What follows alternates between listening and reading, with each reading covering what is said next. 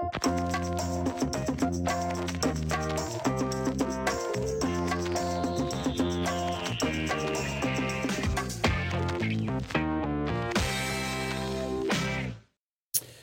Det är eh, måndag och det är dags för ett nytt avsnitt av Eurotalk. Vi har eh, idag inte bara en eh, expertkommentator utan nämligen två. När Marcelo sitter här som är Grattis. ny expertkommentator i Strive. Ja, grattis! Ja, tack snälla. Tack snälla. Men det var, det var snällt sagt. Men Var det kul? Det är Martin som är riktiga proffset här. Jag har hållit på länge, det innebär inte riktigt proffset. Var det kul? Ja, men det tycker jag. Eh, Jätteroligt. Det var en bra Jag match såg inte också. matchen, tyvärr. Nej, men det var en bra match vi fick också just med, med Zidans eh, återkomst till eh, huvudstaden där. Så att, eh, ja, det var fint. Vad gör du för match i helgen då? Eh, nu är det Ja, landslagsuppehåll. Förlåt. Så att, eh, Redan petades. Det blev bara en. Hej, man ska inte komma in där. vad, vad är det efter det då? Vet du det? Nej, jag har inte fått något schema så vi får se. Det är väl några... Jag missade både din och Vico Blomés. Då jobbade jag i studio samtidigt, Mm. annars hade jag nog sett det. Men Vico Blomé gjorde ju någon på fredag kväll. Det var ju matchen. Kan- Den såg jag och eh, jag såg tyvärr inte eh, din match då. Men jag såg den som eh, Kviborg och Vicky Blomé gjorde då. Mm. Cagliari Fiorentina. Hon var eh, grym. Väldigt bra. Det är ju tufft för dig, men vi behöver ju få kvinnliga experter som är framträdande. Det, Ja. det kan inte du kvoteras in där. Nej, nej, precis. Så att, eh, nej, men, får du jobba. Jag f- får gå efter kompetensen. Mm. Ja, nej, men hon var jätteduktig. Jag tror det, du också var det, så jag ska lyssna nästa gång du eh, kör en match där. Eh, tillsammans med Pintorp var det va? Ja, precis. precis. Nej, men vi, vi har bra kemi sen, sen tidigare och det tror jag underlättar också. Ja. Härligt, eh, kul att ta det här. Eh, Marcelo, vi ska prata om den här matchen lite senare. Det har ju, som, du- som du var inne på så är det ju eh, landslagsveckor eh, nu framöver. Eh, och i den svenska landslagstruppen så har det ju skakats om lite grann kan man säga. Eller så har det inte det, vi vet ju inte riktigt just nu. Men John Guidetti petades, Alexander Isak kom in och nu tackar Victor Nilsson Lindelöf nej till landslaget. Och så finns det då uppgifter i, från Fotbollskanalen att det det är någonting som skaver här och att det kan ha att göra med att hans kompis Guidetti har blivit petad. Eh, medan det finns många andra som säger nej men han eh, ska bli pappa första gången. Hans eh, hustru är gravid. Det är typ tre, fyra veckor kvar tills det ska smälla. Kan smälla när som helst. Så det är därför. Noah, har du fått någon klarhet i vad det är som händer? Inte riktigt, nej. Jag har också, Kan du tagit, redogöra för ryktena? också tagit del av vad Fotbollskanalen skrev såklart. eh, Och eh, sett förbundets kommunikation som ju inte är liksom så transparent att man känner att man kan utesluta att, liksom, vad som ligger i de här uppgifterna och inte. Det, Snå, jag satt ju såklart med det många timmar igår och, och pratade med folk och sådär. Det var inte helt lätt att, att få 100% klarhet i, tyckte jag i alla fall. Ehm, det är ju det är att det lämnas lite utrymme för spekulation i och med att kommunikationen från förbundet tycker jag i alla fall då är lite sådär, den är väldigt kort, det handlar om personliga skäl. Då blir det ju den sannolika anledningen såklart det här då som alla har pratat om, att eh, han ska bli pappa ganska snart. Men eh, ehm, det följer ju också ett litet mönster där det har varit en hel del liknande uppgifter som har cirkulerat runt landslaget sedan i höstas. Vi hade Emil Forsberg som var Eh, lämnade truppen inför matchen mot Turkiet och där det var lite surerier enligt tyska Bildt då, då för att eh, han inte användes på rätt sätt i landslaget. Och dessutom den här mediebojkotten då som Robin Olsson och Victor Nilsson Lindelöf eh, ägnade sig åt under en landslagssamling och sen kom tillbaka och satte sig vid ett podium och höll en presskonferens. Eh, så att man tycker att det bullrar lite mycket runt liksom en grupp spelare i landslaget där, där det hela tiden återkommer liknande uppgifter och det viftas bort som att det inte är någon fara så, här, så kommer det nya grejer. Och det är väl kanske inte... Jag tyckte den här landslagstruppen kändes eh, som det kanske mest liksom, framtids liksom, spännande truppen som Jan Andersson har kunnat ta ut hittills. Just med, med Isak, men även då att man ser att Kristoffer Olsson och de här spelarna och Quaison och de är inne nu. Och, och det var flera yttrar som var med som är ganska offensivt balanserade också. Så det känns som en rolig samling och roliga landskamper att se fram emot. På, på så sätt så, eh, oavsett skälet här, så, så tråkigt fotbollsmässigt att Lindelöf inte är där då, i och med att han är så viktig beståndsdel av det här landslaget. Och synd om den här typen av saker ska fortsätta kräva energi, för jag tror att de mår inte så bra av det. Nej, det, bör, det börjar bli ganska mycket nu. Sen kan det ju finnas då att det kan ju vara så att det, det, bara, det bara handlar om en, en graviditet. Nej, det, måste, det måste man ju på något sätt utgå ifrån. Ja. Eh, och dessutom då så sitter ju Jan Andersson med mittbacksproblem nu eftersom Pontus Jansson är out. Granqvist har problem med ljumske. Eh, så att det är ju en eh, vacklig backlinje nu helt plötsligt. Kan bli i alla fall. Ja, och å andra sidan så liksom... Ja, så- Granqvist kanske spelar på Granqvist kommer ju spela, men, men sen så klev ju Filip Helander in borta mot Turkiet och var väldigt bra i den matchen. Och Eh, spelar ordinarie i Serie A, så han är, så det är ingen inte- duvunge. Liksom. Precis, det blir ingen nödlösning på det sättet att, att det är en, eh, de spelar. Sen, så, de kallade ju in Sotiris. Så att, Så- Sotte. Sotte. Sotte. Eh, Säger jag. Och, eh, men, det- och, och, och Tinnerholm, vilket tyder på att de kommer ta in Lustig som mittbacksalternativ, eventuellt. Ja, han spelade ju mittback i helgen. Precis. Men, men eh, så, så rent fotbollsmässigt så, sådär, så jag tror att mot Rumänien och Norge så ska vi ju klara oss med Helander Granqvist utan att det märks för mycket. Det är ju, eh, som eh, Björn beskrev händelseförloppet, var det ju Guidetti petad, Isak kom in och Victor. Det Antyder du att, då, att Isak kom in, att det var därför Victor inte ville vara med eller? Nej, nej, absolut inte. Nej. Nej, det var kanske, det var kanske var märkligt formulerat. Nej, men Först var ju nyheten när alltså, truppen presenterades. Där ju, eh, många reagerade wow, Isak är med. Oj, eh, Guidetti är petad. Eh, många tyckte Men- nog att det var ganska väntat och att han kanske inte ska ha en, en plats nu, att det är andra som ska gå före och sådär. Eh, men, och sen kommer ju då eh, det här med Victor Nilsson Lindelöf. Det, men det är ju så här, rent generellt Det är vi alla överens Det om finns ju att... ett track record här. Jag tycker, det, jag tycker det är dumt att se det här som en isolerad företeelse. Till och med jag som inte punktmarkerar den här grejen. Alltså det är klart att det finns ett track record här. Och jag tycker det är väldigt, extremt dumt att inte säga vad den gemensamma nämnaren då eventuellt är. Som är... Ja, alltså, det finns väl en agent här som diskuteras om och, och pratas om. Det är väl inte svårare än så. Alltså, vi kan ju inte prata om det utan att nämna det. Det är ju tjänstefel såklart. Får jag bara slutföra det jag tänkte på? Jag tycker att vi, vi däremot, om vi håller oss till saken och själva petningen av... Det är inte bara John, det är också eh, Isak Kestelin som har blivit petad ju. Det är ju att, att de två och Marcus Berg som har varit forwards har ju haft en slags respit. Alltså alla tre är bra fotbollsspelare. Men ingen av dem har ju riktigt presterat fullt ut, tycker jag, i, landslaget. Och kanske då i vissa fall inte i sina klubblag, för de inte heller har spelat. I Isak och Johns fall. Men det har ju varit ett glapp i generationer. Efter 92orna som vann VM så har ju inga forwards slagit igenom riktigt. Jag menar, vi hade ju 96-kullen med, med tre stycken som såg lovande ut med Berisha, Strandberg och Engvall. Och de har ju inte tagit steget. Och det är ingen annan där, och det är ingen annan 94 Alltså det har varit ett glapp i landslaget. Och vi har ju väntat på att den här nya kullen... För jag tycker att, att eh, det har varit en, en ehm, eh, kvalitetssänkning. alltså, våra forwards, de, de tre vi pratar om nu, har alla varit bra nog att vara med i landslaget. Men jag tycker inte alla tre har varit bra nog för att vara startspelare.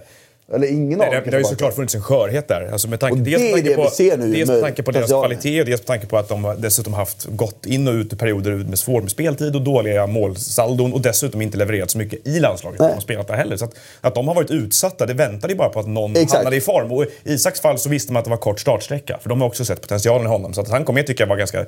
Alltså det var helt rätt och det var, kändes inte speciellt oväntat. Att Sebastian Andersson då ges möjligheten här istället också, det pratas ju inte så mycket om eftersom han Nej. blir någonstans i skymundan då. Men, men det känns också som att ja, han har väl förtjänat sin möjlighet att fylla den rollen med tanke på hur lite som faktiskt har uträttats av de andra. Så att jag tycker att det är en fullt naturlig utveckling. Ja, han är ju är också svårt. en eh, superfavorit till Jan Andersson. Ja, det är svårt tycker jag för Isak Gestelin och John Guidetti att vara arga på, på landslagsledningen. De kan vara besvikna och det ska de ju vara. Men någonstans så tror jag även de förstår att okej, det har varit lite lite med speltid. Det har varit lite lite mål.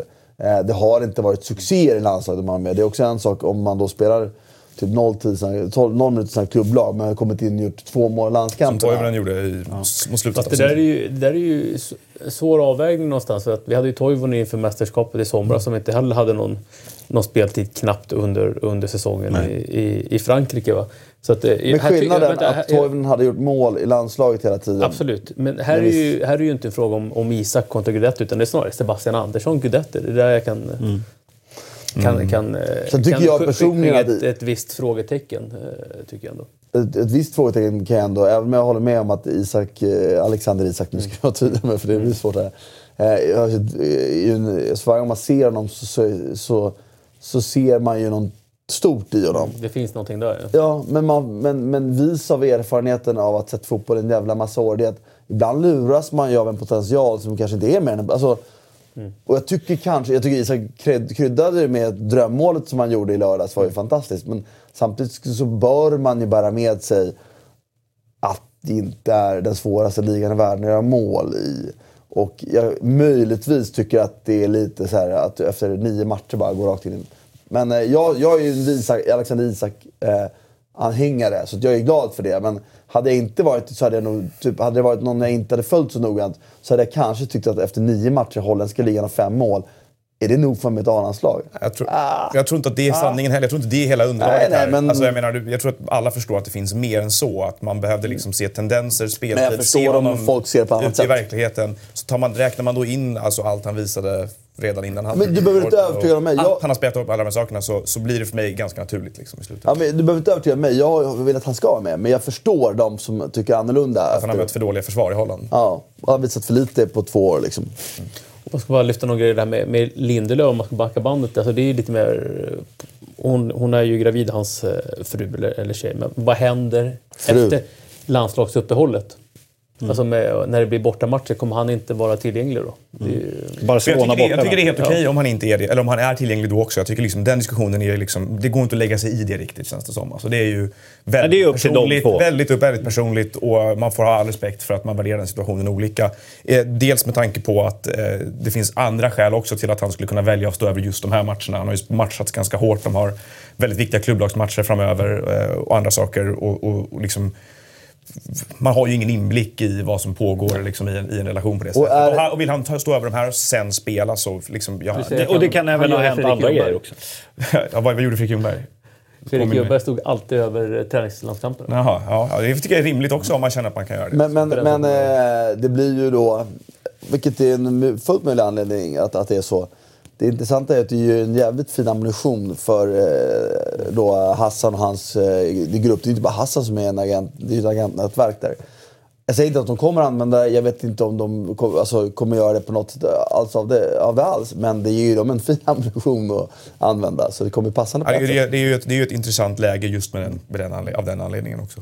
Och vi får- Det blir en väldigt intressant vi- presskonferens idag med Jan Andersson. Ja, det är, exakt. Framförallt blir det kommunikativt. Och, och då började jag så här, cyniker som jag, jag bara, okej, ska förbundet presentera någon ny samarbetspartner nu? Så nu bygger de upp intresset. så bakom kommer det stå någon skylt med någon ny samarbetspartner. Ja, då är det i så fall briljant Bett PR. har och Zlatan. Liksom, jävla kille. Ja, eller någon så här... Eh, någon som kommer i ett badkar eller en eh, babyshop.com. eh, ja, men det blir spännande. Rumänien på eh, lördag väntar härnäst eh, för, eh, för landslaget. Då. Eh, vi- Tänk om vi skulle förlora mot Norge. Det skulle ju svida lite. Mm. Men så hårt har inte jag den konkurrensen. Men tänk Jan och Lasse ändå. Liksom. Där finns det nog... ja, Förlorar mot Norge och sparkar Jan och tillsätter Solskär. ja, det. Norrmännen har bra trupp. De har bra spelare. Ja, de har ju absolut ett bra läge. Ja, det Och blir Rumänien förlorade väl inte en match på hela förra året? Gjorde de det? Jag tror, de har, jag tror Rumänien också är oväntat bra. Alltså. Alltså, det har jag inget problem med, men jag tänker med att den konkurrensen mot Norge känns ju lite hårdare. Det där med Norge är inte så laddat för mig. Jag tror inte det var det för dig heller. Nej, inte för mig. Men säg mellan Jan och Lasse. Ja, de är ju ja. vänner, Jo, men de är ju också lastat, laddat som fan tror jag. Hörrni, vi- jag tänkte att vi ska landa också i eh, Champions League-matcherna som var i veckan där eh, Juventus skickade ut Atletico och eh, Ronaldo stod eh, för ett eh, hattrick. Jag vet att det nämndes lite kort i, i, i studion, det har även skrivits texter om det, men eh, jag ställer frågan till er. Eh, liksom, eh, Såklart så blir ju Ronaldo här eh, rubrikernas man. Men det finns ju en problematik här också där man eh, ena sidan eh, beundras över det han gör på planen. Men så finns ju de här allvarliga anklagelserna med våldtäktsanklagelserna som fortfarande inte är liksom helt klara. Problematiken uppstår ju om man inte kan hålla båda tankarna i huvudet på en gång. Alltså, det vill säga man kan tycka att det är en, en fenomenal målskytt och fotbollsspelare och fortfarande inte liksom hänge sig fullt ut åt den här enorma glorifieringen av honom som person. Eller förstår jag menar? Att det är liksom, idoliseringen av honom har ju tagit stryk av det här såklart på något sätt. Eller tagit stryk, den, den, är ju, den är ju mindre enkel att hantera så länge det här är en pågående utredning.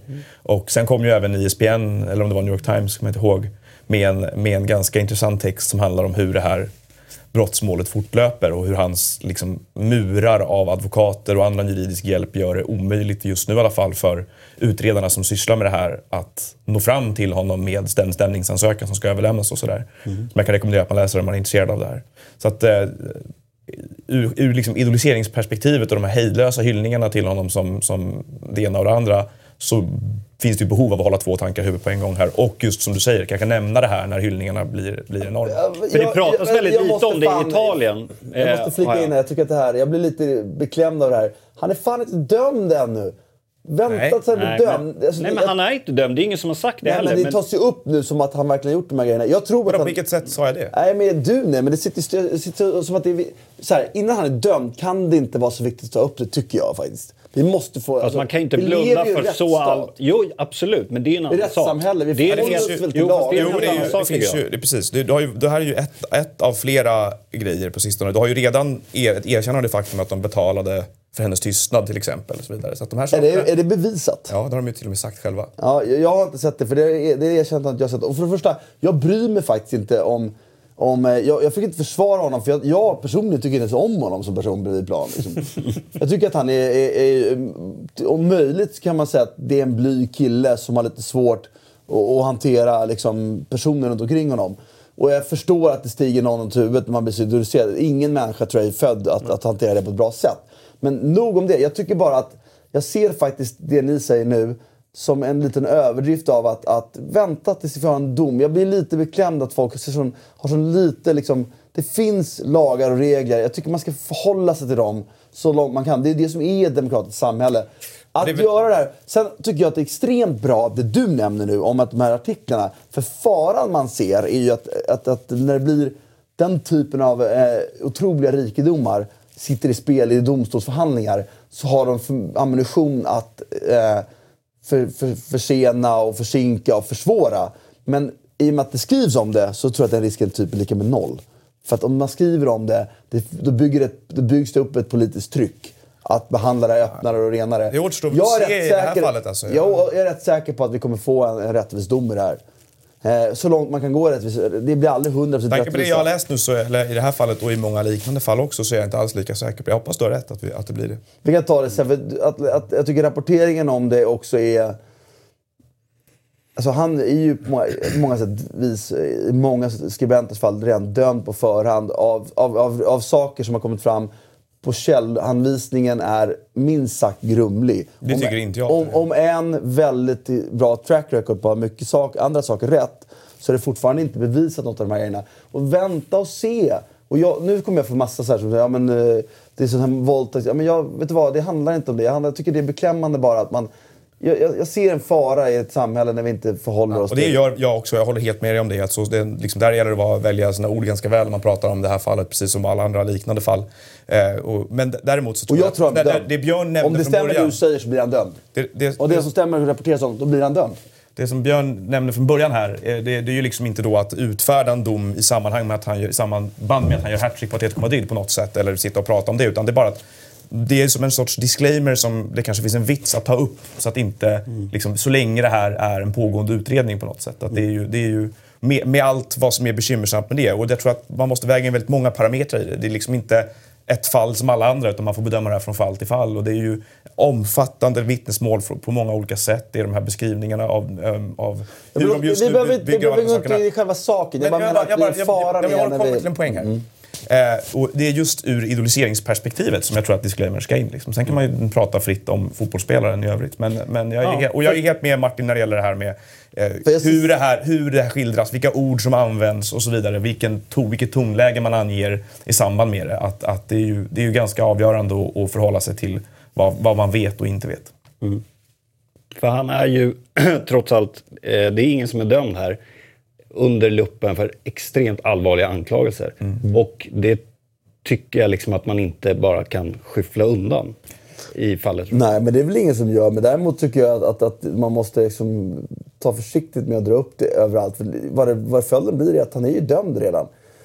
Och I många av de här eh, skribenternas ögon som jag läser så är han ju dömd redan. Och det tycker jag är beklämmande. Jag är, jag är en s- sådär... Jag tror ju inte på det perfekta samhället. Jag tror inte, men jag tror att en viktig del i en demokrati är att man förhåller sig till de lagar och regler vi har. Jag blir beklämd när vi pratar om, jag vet inte om ni, jag faktiskt twittra om det, för det är också beklämmande i sig, nu använder jag det väldigt mycket, att jag skrev en, en tweet om att man bör läsa Per T. Olssons krönika Sydsvenskan igår. Man bör alltid läsa Peter Olsson. Ja, han är grym. Men det här är en av de viktigaste sakerna nu. Och eh, responsen är så dålig på det. Mot att jag skriver någon jävla... Liksom, och då blir jag såhär, vad fan. Det är ju ett problem när man pratar, och det här, och nu blir det väldigt mycket så här, men då pratar man om det här man ska dra in, eh, dra in eh, heter, medborgarskapen för återvändande IS-terrorister. När vi faktiskt har en grundlag som gör att det är omöjligt. Jag tycker att det är, att, att inte liksom förhålla sig till grundlagen och, och lagar och regler är ett det, det måste vi göra. Det är en av demokratins största förtjänster. Men jag tycker absolut att du har en poäng i att eh, speciellt eh, journalister på stora plattformar eh, också har en skyldighet att vara eh, försiktiga med att inte döma eh, offentliga personer förrän de faktiskt är dömda. Och där, ser vi, där måste man och det vara... Ser vi då också lite där med, med, med skattebrotten som alla de här spelarna utreds för.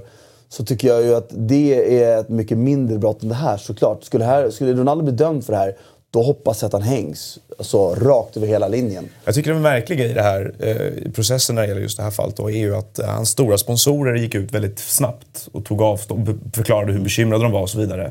Och sen eh, har det varit helt tyst. De har återgått helt till det normala och ingenting mer händer. Det var lite som att, eh, som att de... Jag menar, de Men vad ska de göra med det? Nej, men jag vet inte, varför gjorde de det från början ens? Som, alltså, förstår vad jag menar? Vad visste de om det här då? Om de uttryckte sin bekym Men- bekymmersam, alltså bekym bekymrade de var? vad mer kan de göra då?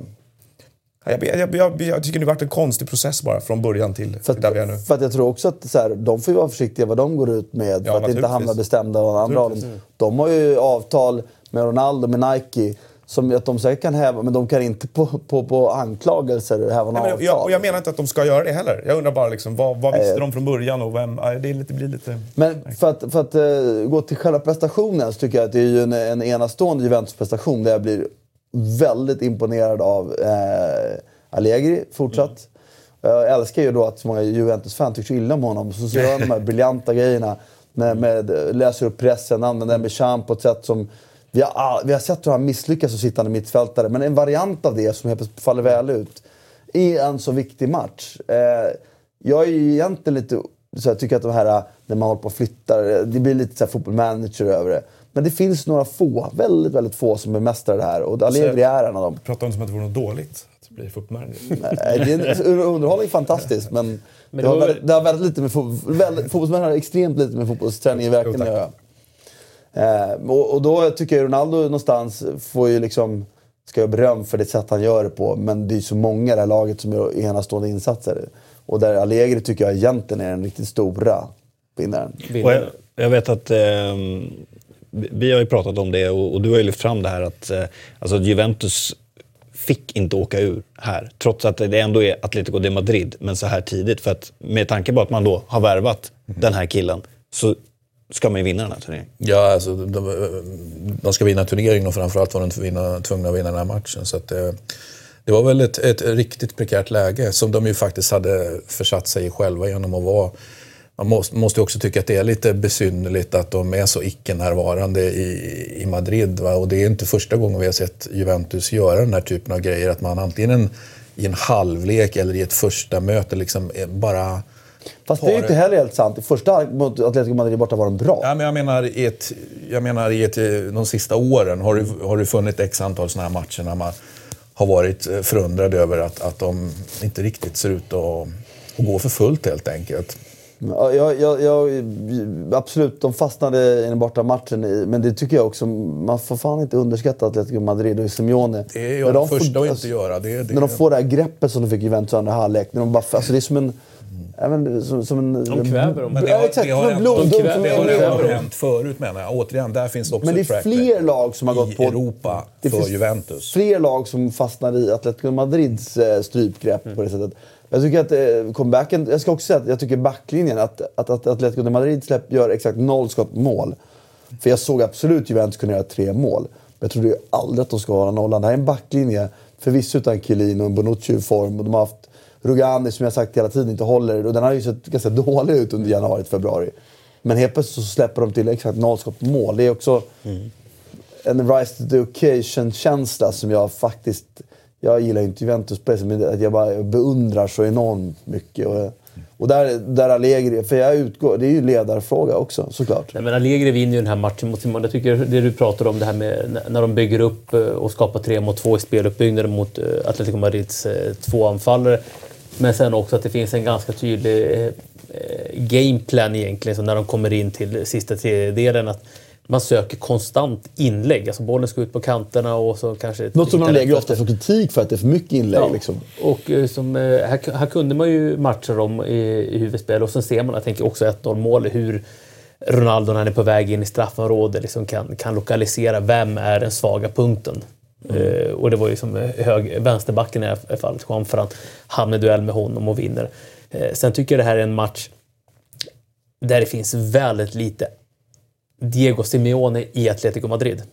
Alltså väldigt lite av hans liksom, personlighet, karaktär. Jag tycker de såg liksom små ut. Alltså de var förminskade, det fanns ingen personlighet, ingen karaktär i matchen. Sen gör, gör eh, Juventus givetvis en, en jättebra match, men lite mer Diego Simeone-aktigt i eh, Atletico Madrid, i spelarna. Alltså med lite mer grinta. Liksom. Uruguayanerna där bak borde kunna få bort fler bollar. Liksom man, man, det här tycker jag är som en match som man inte borde åka det ur. Sen förstår jag att man gör det mot Juventus och de är ju bra, men det, men det ja. Det där pratade väl även till, jag såg att Griezmann snackade om det efteråt på något sätt, att de kände inte igen sig själva riktigt Mm. i prestationen. Och vi- vi snackade om det i torsdagsprogrammet också, att, sådär, att den här passiviteten som de uppträder med här, den gör ju dem liksom väldigt handikappade på något Mm. sätt. Att Atletico, Atletico kan inte spela på det där sättet. Liksom. Det, det funkar inte riktigt. Och de trodde väl att de skulle lösa det, för de hade ju liksom flera matchbollar på något sätt. Även om det liksom de låg, in, låg under med två- eh, 1-0, 2-0, så är de fortfarande i ett läge liksom att det räcker ju med, med ett mål bara så, så vänder de på steken. Och sen en annan sån här spännande statistik här är ju att Atletico Madrid åkte ut i Europasammanhang sex gånger mot Honom. honom. Mot, eh, och, och, och då tycker jag som det finns en annan spelare som man kan lyfta och sen kanske sänka det här också. Det är Antoine Griezmann som du är inne på. Som eh, så sent som i somras eh, sa att ja, men, eh, han vill dansa med, med Ronaldo och Messi. Och, ponera att han är på samma nivå. Jag tycker i sådana här matcher ser man att eh, han, han är några nivåer under. Ganska tydligt också. Får man konkretisera lite vad, vad Simeone... Det som förvånar mig lite, att, att de blev bort eh, i första halvlek, blev överraskade av det taktiska draget, det får man förstå. Det är ju, om man inte har en eh, Bielsa-spion på plats så är det svårt att företräda, om ens då. Men jag tycker att det är ju... Och jag tycker, och jag tycker kritiken mot Simone är rätt i den mån att han faktiskt inte klarar... För det är ju en sak att förvånas över det och överraskas av det. Men de har en halvtidspaus att korrigera och förändra och få nytt grepp om dem. Eh, I ett läge där, som Marcelo fortfarande är inne på, där är fortfarande matchen deras. Liksom. Och det gör han inte. Och det, det, eller lyckas i alla fall inte med. Eh, och då, så de byten han gör faller dessutom väldigt dåligt ut. Och mm, det är lite märkliga. Och det är ju också lite fingertoppskänsla och lite oflyt. Och det är liksom, jag menar, Korea är ju direkt dålig när han kommer in och direkt avgörande fel ände. Liksom. Men, eh, och där ska Simon ändå få kritik. Att han inte då, efter att ha sett en halvlek, okej de gjorde så här. Vad är lösningen på det? Hur matchcoachar jag mot det här liksom? Eh, och det klarar han inte av. Eh, och det ska han ha kritik för. Samtidigt, återigen, ni alla har berört det, men, men det var två giganter som möttes. Båda de här två lagen var värdiga, bra nog att ta sig till semifinal. Nu möttes de av slumpen i en åttondel. Ett lag skulle åka ut. Jag tycker av hävd inte att något av dem har floppat. Utan det är bara så. Har man otur med fel lag rätt till, fel tillfälle. Och sen håller jag med eh, Christian i mycket om att Juventus bör gå långt. Men det är fortfarande ingen favorit att vinna. Når de semifinal med det här laget ska de ändå, då har de presterat vad man kan förvänta sig. Vi har ändå City, Barcelona, Liverpool som har större resurser, satsar mer och har eh, starkare lag. Men, eh, och de kan slå, alltså, Juventus kan slå alla de här tre. Men jag tycker inte man kan kräva det. Av de här två lagen så var det väl ändå, precis som du är inne på, alltså mer okej att, att Atletico Madrid åker ur än, än Juventus. Jag tänker liksom på förväntningar och så vidare. Även om finalen går på, på Wanda så småningom. Men, ja. Och eh, Liverpool som du nämnde körde ut eh, Bayern München med eh, 3-1 i, eh, eh, i returmötet och eh, Mané är ju i sin kanske bästa form eh, i karriären. Fantastisk. Eh, även Va- van Dijk är ju otroligt bra här, även om han gjorde bort sig lite i, nu i helgen. Då. Men det är, även solen har sina fläckar. Och eh, det är fyra Premier League-lag i kvartsfinal. Det är noll tyska lag. Ja, det, det, det tycker jag är verkligen viktigt med, säga med en fas. Att Bayern München må åka ut mot Liverpool i dubbelmöte, men inte på det sätt de gör. Och det är bara att det blir noll lag blir liksom hela wrap it up-grejen eh, med att tysk fotboll är, som vi har varit inne på här i flera år, att den har varit vikande. Jag är 100% säker på att de studsar upp och det kommer, kan till och med gå ganska fort för ett lag som Bayern München. Mm. Men de har gjort fel. De har tagit många felbeslut under en, en lång tid. Eh, och Jag tror, jag tror sättet som du säger, sättet de åker ut på den här matchen borde vara en väckarklocka för vilken rimlig, välskött, stor fotbollsklubb som helst. Vilket de, de i alla fall har ambitionen att vara. Inget tryck på hemmaplan. Och vi pratar om ett lag vars självbild är något helt annat. Eh, och med att de ska ha respekt, vilket de hade för Liverpool. Och hade de förlorat med eller med 2-2 hemma och åkt ut, det är fine. Men på det sätt de förlorar på tycker jag att det, det är... Inte värdigt. Det var en skymf för, för ett lag som Bayern München. Och Nej, det, bara, det- det, det- var, en, det var en enkel seger. Det var ytterligare bara spädde på min känsla, eller allt det jag har hävdat under ett antal års tid. Att Bayern München, som har varit så välskött, den är fortfarande till stora delar välskött, men, inte, och, men de har gjort så mycket rätt under så lång tid. Tiden verkar ha sprungit ifrån dem. De har tagit dåliga beslut, framförallt finansiella beslut. Det har jag varit inne på tidigare. Att varför amortera på en arena när ränte, ränt, pengar kostar noll? Varför amortera hårdare istället för att Trimilona mer investera i sin trupp? Facit har vi. Jag har hävdat att de borde ha varit i två finaler senaste, eller i alla fall eh, två finaler de sista- sista fem, sex åren. Och nu är de ute i åttondelsfinal och ett lag i, i, i spillror. Men som sagt, Tyskland eh, och Bayern, eller Bayern det är München kanske kommer hända en, grejer. en Sommar. naturlig grej. Det är sällan liksom klubbar går spikt rakt uppåt över liksom flera, flera år. Det är alltid någon, det är alltid någon Bayern. München, di- Bayern München di- dippar inte så här. Det är inte, det är inte deras grej liksom. Och mest bedrövlig av alla tycker jag personligen i München är ju, alltså, hur är utvecklingskurvan för Lewandowski egentligen? Den är ju helt... Men han var ju en av få som ändå var bra, bra i år. ju. men, men han är ju inte tillräckligt bra. Jag menar, från det, när han han någonstans pikar så är han ju bara en, en och jag, jag kommer inte ihåg exakt när det är han pikar, men han är ju en ständig besvikelse i både landslag och klubblag när det verkligen ställs på sin spets. Och det är möjligt, jag motsäger inte det. Men jag säga, i det här Bayern München-laget så är han en av få som fortfarande håller världsklass. Om inte, Neuer inte gör in- tillräcklig världsklass bevisligen. Ja, men, Jag det- menar, du kan ju inte det- sitta här och säga att du, att, du, att du är nöjd. Du säger att han inte fick några bollar, men alltså... Men, men, men du kan inte liksom att, att, skrapa lite på någonting som ändå fungerar i toppen när, när basen är helt eroderad. Det, det får ingen effekt överhuvudtaget. Neuer är inte världsklass längre. Han skulle kanske klara sig bättre. Den här macklinjen klarar sig inte överhuvudtaget. De två mittbackarna klarar sig inte. Inte den tredje heller. Det har vi konstaterat under lång tid. Taktiskt sitter de inte ihop på mittfältet heller. Sen så, Lewandowski fick exakt noll bollar att jobba med i kvalitet. Så att det är den sista spänn skulle hänga i det här laget det här året. Sen kanske du har rätt sak ändå. Men att bara Jag vill hänga på honom toppen. över ett högre, under ett längre perspektiv. Ja, du vet han i Nej, stora mästerskap till exempel aldrig har klivit fram som man har väntat sig. nej, verkligen inte. Och, och, jag menar, han, han, han var ju under en period när man kände att fan shit, är han kanske den bästa anfallaren i världen? Alltså renodlade, om man, man tänker att Ronaldo och Messi är någonting annat utöver det där.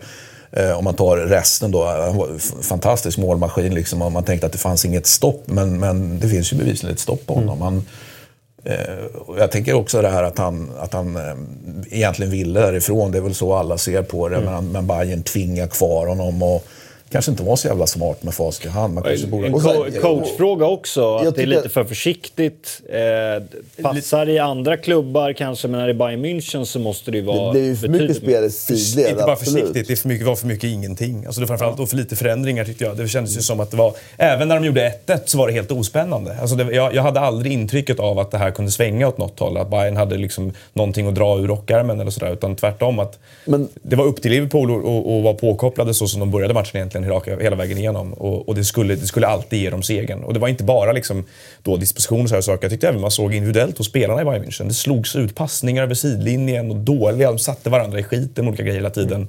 Eh, och dålig koncentration liksom rakt igenom. Så att eh, hela intrycket av det, utan att dra raka paralleller till Real Madrids insats mot Ajax, det var bara att det var en, en fred, det var ett sjukdomssymptom från en klubb som behövde göra någonting annorlunda på något sätt. Att det var, var inte på väg någonstans. Liksom. Det är intressant att se ytterpositionerna också, för under den här tiden, eh, så att säga, i modern tid, så har de ju eh, har, verkligen lyckats att få fram och spela ett fantastiskt ytterspel. Då. Nu har de ju kört med dem alldeles för länge, men de har ju, inte, de har ju bevisligen inte lyckats eh, generationsväxla där. Och man har liksom Douglas Costa, okej han är inte kvar längre. Nu är Coman där och han är inte kvar. Liksom, och Müller har, har imploderat. Och, det- alltså, det verkar ju vara väldigt svårt att hitta en ny Ribéry och en ny eh, vad heter det, Robben. Robben liksom, som, Kanske inte det lättaste heller. var- Nej, det kanske, är det med, det kanske inte går. Det är det jag menar. Det, det kanske, de kanske var unika och, och, och då blir det ju att man någonstans får kalibrera här, det- det går- spelsystem. Det går i alla fall inte om man inte lägger pengar.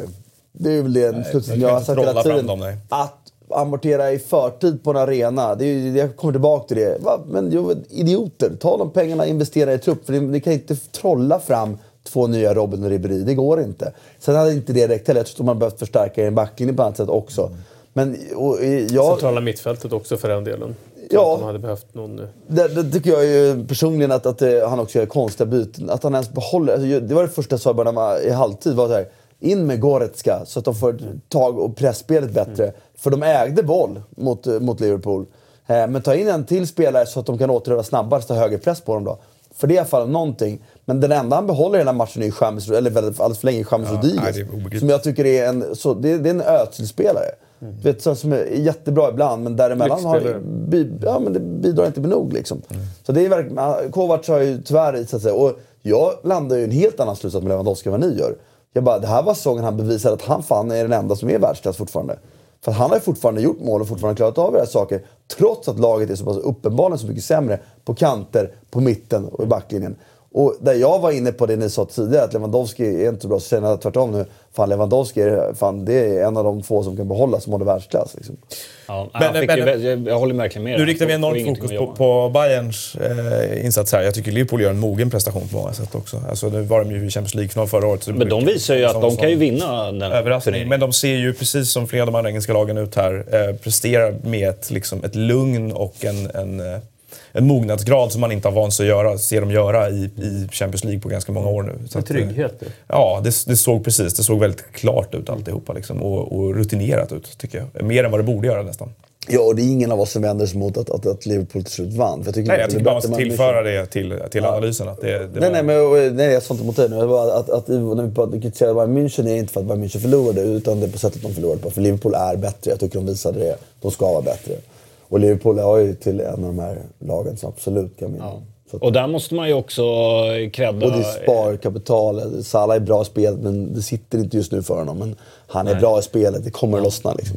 Han, man, man såg ju också på honom där i slutet när han har ett läge att passa Mané, tror jag Mm. som är helt ren. Och han är så här, nej, det är, jag ska borra, borra in det här målet. Och så bara, det går inte. Och Mané är så här, ja, ja, ja, gör din grej. Sen fick, fattar." han ju, sen fick Men- han ju serverad sitt andra mål på slutet Ja. istället. Där. Ja, så är det. Ehm, Barcelona körde över Lyon, eh, City körde över Schalke fullständigt. Eh, det, det var- Kommenterade jag. Det var rätt roligt. Ja, jag noterade att du, du, eh, du sa något i, i precis när andra halvlek skulle börja. Vad, vad ska liksom Schalke göra nu? Och du bara, det, det är kört. Det finns liksom inget. Vad, vad ska de göra? Och det var ju kört. Lottningen då till kvartsfinalerna så alltså blev det Liverpool-Porto. Det var nog många Liverpool-supportrar som jublade över det. Tottenham, Manchester City, Ajax, Juventus och Manchester United. Barcelona. Jag tyckte ju att det här var lite, lite snark över den här lottningen. Att det, eh, visst, eh, Ajax med det de har gjort, mm, kanske. Men jag tror inte... Jag det är skitrolig lottning. Inte två gånger Jag om. visste att du skulle säga det. Vadå då? För att du vill ha de bästa lagen sen i semifinal. men men jag vadå, det är väl givet vilka som går vidare? Men jag tycker det är roligt också att, att eh, vi får ett, ett supertest på hur bra Ajax passningsspel är. Och de är att spela bort Real Madrid eh, som inte håller ihop, som inte, inte får till det. Det kan ju, kan ju fler lag göra. Men Juventus spelar man inte bort, så det, på det sättet är det roligt att få det. Mot Jo. A- Men för mig är det så dundergivna favoriter. Och Porto är Men det var det ju i åttondelen också. Det fick vi ju... Ja, ja, exakt. Så självklart att, att City städar av Tottenham, tycker du? Vilket jag to- tolkar som att du tycker... Tottenham tycker jag ser riktigt svaga ut. Ja, men perfekt slagläge. Vad säger procentsatserna då? Börja där då. 90, 90, 90, 90, 90. Nej, men... eh, Men du tänker eh, Juventus, Liverpool, City, Barcelona. Där har du. Ja. Juven- Juventus har väl Jag står ensam i det hörnet alltså och tycker att det är Nej, givet att det är vilka de, som går vidare. eh, Nej, men vidare. det, det, det är många som är... Men Men absolut, det, det har ju, åttondelen har ju visat sig att det har ju skakat om hade du hade hellre Champions haft. Ajax, Porto, Juventus, Barcelona, Juventus, Liverpool då till exempel. Ja, till exempel. Då hade du fått en semifinal med ett lag som inte kanske är värt att vara där. Men jag är lite mer på Noahs linje. Jag tycker det är kul med de här Ja, det gör jag med. Att tycker jag det är kul att de här två lagen är, är just Ajax Porto då, som man verkligen inte hade väntat sig skulle gå så här långt. Kanske att man inte hade trott att Tottenham skulle gå till kvartsfinal heller. Eh, Jag tycker det är eh, Jag, uppfriskande bara. jag, tr- jag tror att folk underskattar Ajax eh, och Juventus, överskattar Juventus. Jag tror att det är 60-40 fördel till Juventus ungefär. Jag tror att Liverpool-Porto är den största fördelen egentligen, men där man alltid är lite orolig för när ett lag har spelat städat av ett lag väldigt enkelt föregående år. Det kommer bli tuffare det här med dubbelmötet än vad det var föregående säsong, det är jag helt säker på. Tottenham City 55-45, eller? Alltså, Och så har vi Barcelona 70-30. United som rimligtvis borde vara 70-30. Det är den största Spurs, favoriten. Spurs City är ju... Är ju Till Barcelona. Är ju, alltså, Ja, jag- förlåt. Om inte det var självklart så är det mest att förtydliga. Tack. Spurs City är ju konstigt svår att bedöma just nu. Därför att jag kan inte tänka mig att Tottenham fortsätter vara i så här dålig form Nej. under resten av Få året. tillbaka spelare från skador de nu kommer, och- Precis, de kommer höja sig och de flyttar in på sin nya arena om en kvart typ. Så att det händer, 55-45 säger jag. det händer grejer där, kommer det hända grejer. Det, kommer bli, det tror jag kommer bli bästa kommer mötet. aldrig flytta in på den här igen. Vi kan låtsas det nästa säsong. Det blir ju nästa. säsong. Ja, de har ju faktiskt sagt nu att det ska bli av. Men, Crystal Palace hemma, är det inte det? Ja, precis. April. Början på april, ja. Mm. Eh, ja, ja. Eh, lite snabbt då, Europa League-lottningen där. Det blir ju jätteintressant med bland annat eh, Napoli-Arsenal. Vilka ser ni som favoriter där? Arsenal. Napoli. Ja, då, då är det verkligen 50-50 då. 50-50 säger jag. Ja. Ja, det är 50-50 för mig också. ja. Slavia Prag. Vet, du- vet du vad som är det bästa med den lottningen? Att jag har turen att de spelar hemma Napoli den 18 april på påsklovet när vi är nere på Ischia. Mm. Så jag kan gå och se den. Då ska jag vara jävligt noga på med Napoli-kläder kan jag säga. Därför att om jag går dit... De tar ju och dig för en britt. Exakt, jag kommer få den frågan tusen gånger på vägen dit arenan. Kan få låna Arsenal-halsduk om jag Eller så börjar jag bara visa tandraden så fattar de att Men vi har en annan eh, jättefin match här som vi, så vi måste... Det är inte bara Arsenal eller Napoli, det är Villarreal-Valencia. Det är ett eh, valencianskt eh, derby där. Så att, eh, Det är lite synd. Vi håller ju på Villarreal. Det bestämde vi förra veckan. I Europa League alltså. Alltså, gjorde vi det? Ja, Vi vill Ja, att vi, de... vi känner sympati för dem. Det, Vi, vi vill ju att de vinner eh, och att de åker ur La Liga så att Ja. vi får ett segunda-lag nu för vann de i och för sig i helgen. Så att då... ja, men nu åker, de åker inte ur. Nej. Då hejar inte jag på dem längre. Nej, exakt. Då är det inte lika kul längre. Ja, ja. Eh, nåväl, vi, eh, vi ska titta varit, på eh, Europatipset. Men Eh, vadå? Vi Gick vi, där är Valencia favoriter, Frankfurt Okej. favoriter och Chelsea favoriter. Jag. Napoli, Valencia, Frankfurt, Chelsea. Du tar Frankfurt för Benfica alltså. Ja, Frankfurt är bra. Jag hoppas vi alla vid gud att Benfica vinner. Oj. Oj. Oj, oj, det får du nästan utveckla. Ja, nej. jag håller väl också på Benfica, jag tror bara inte de är det. Ja, nej, jag sa inte att jag trodde. Jag säger att vi hoppas vid gud att de vinner. Det får du utveckla, Christian. Ja, nej, nej, men jag, sympatin för min del är såklart oändligt mycket större för den fotbollen än, än, än den tyska fotbollen. Så är det. Vid gud, det var... Jo, jo. Ja, det är- Portugisisk det är- fotboll är... Då förstår jag. I love it. Ja. Nu tittar vi på hur det gick i Europatipset för panelen i går, eh, söndag. Eh, där, eh, ja... Jag ser in en till. Va? gjorde ganska Vad händer? bra ifrån sig. Akta rygg. Nio, Martin. Hur kan ni göra så bra? Alltså, fattar inte det. Ja, Noah går starkt. Det är det fjärde veckan i rad du har tvåsiffrigt, va? Tror du? Ingen satte Everton-Chelsea där alltså. Nej, jag hade, kryss två hade vi många av oss. Vi har sju bakom dig nu. Snyggt med eh, singelkrysset där på Millwall-Brighton. Det stod 2-0 i 85 Allt med planen. typ. Och Brighton gick vidare. Va? Men det var ju Millwall som ledde, så ingen av oss hade... Det var ju Gusten som hade rätt ensam med Millwall, eller hur? För att Millwall ledde väl, eller? 2-0. 2-0 till 85 typ. Singelkryss Fick vi Ja, stryk. precis. AFCs sena mål där var ju... Jag, jag tycker ändå såhär... Vad, missade jag? Ja, just. AIK, den är förstås. Den är skitmatch. Valencia och AIK är ju givna kryss att ta med egentligen med tanke på hur de håller på hela tiden. Men... Jag, blir, jag tycker alltid det är kul att titta på Christians Ingen när du sätter krysset på... Ja, men Alltid var, kryss för Valencia efter Europa League. var, Ja, ja, det är så. Ingen satte Everton. trodde jag på. Jag på funderade på säsongen att ta en tvåa på. Valencia Getafe också. Ja, den hade inte varit omöjlig heller. Alltså de, eh, det var ju en straffsituation där i, i, i slutskedet av matchen som eh, mycket väl hade kunnat rendera en straff. Men Valencia måste ju börja vinna någon gång. Nu har vi sagt det typ eh, 20 omgångar. va? säsongen. Men det är ju fan helt absurt att de inte Alltså kryss är utgångstipset när de spelar rent generellt. Vad har de? 25 kryss i år? Ja. Men det måste ju sluta någon gång. Och frågan är bara när det slutar. Och, uh. Men nu har man ju bränt rätt många... Men jag tänkte vi ska prata lite. Getafe sen. Eh, för det där är ju eh, väldigt intressant. Det de håller, eh, håller på att Och ställa vem till som med. tar honom. Ja, exakt. Eh, och här ser vi Det är sju totalställningen. efter David nu. Helvete vad dåligt det går. Jag är sju efter dig. Ja, Noah är snart ikapp, Martin. Men den här augusten kan man hem redan va? Ja, det är svårt att ta. Visst, absolut. Och eh, ganska bra form också. Eh, och apropå Gusten och eh, Europatipset så hade vi tävlingen Krossa Gusten. Sista chansen att vinna biljetter då till Sverige-Rumänien på lördag.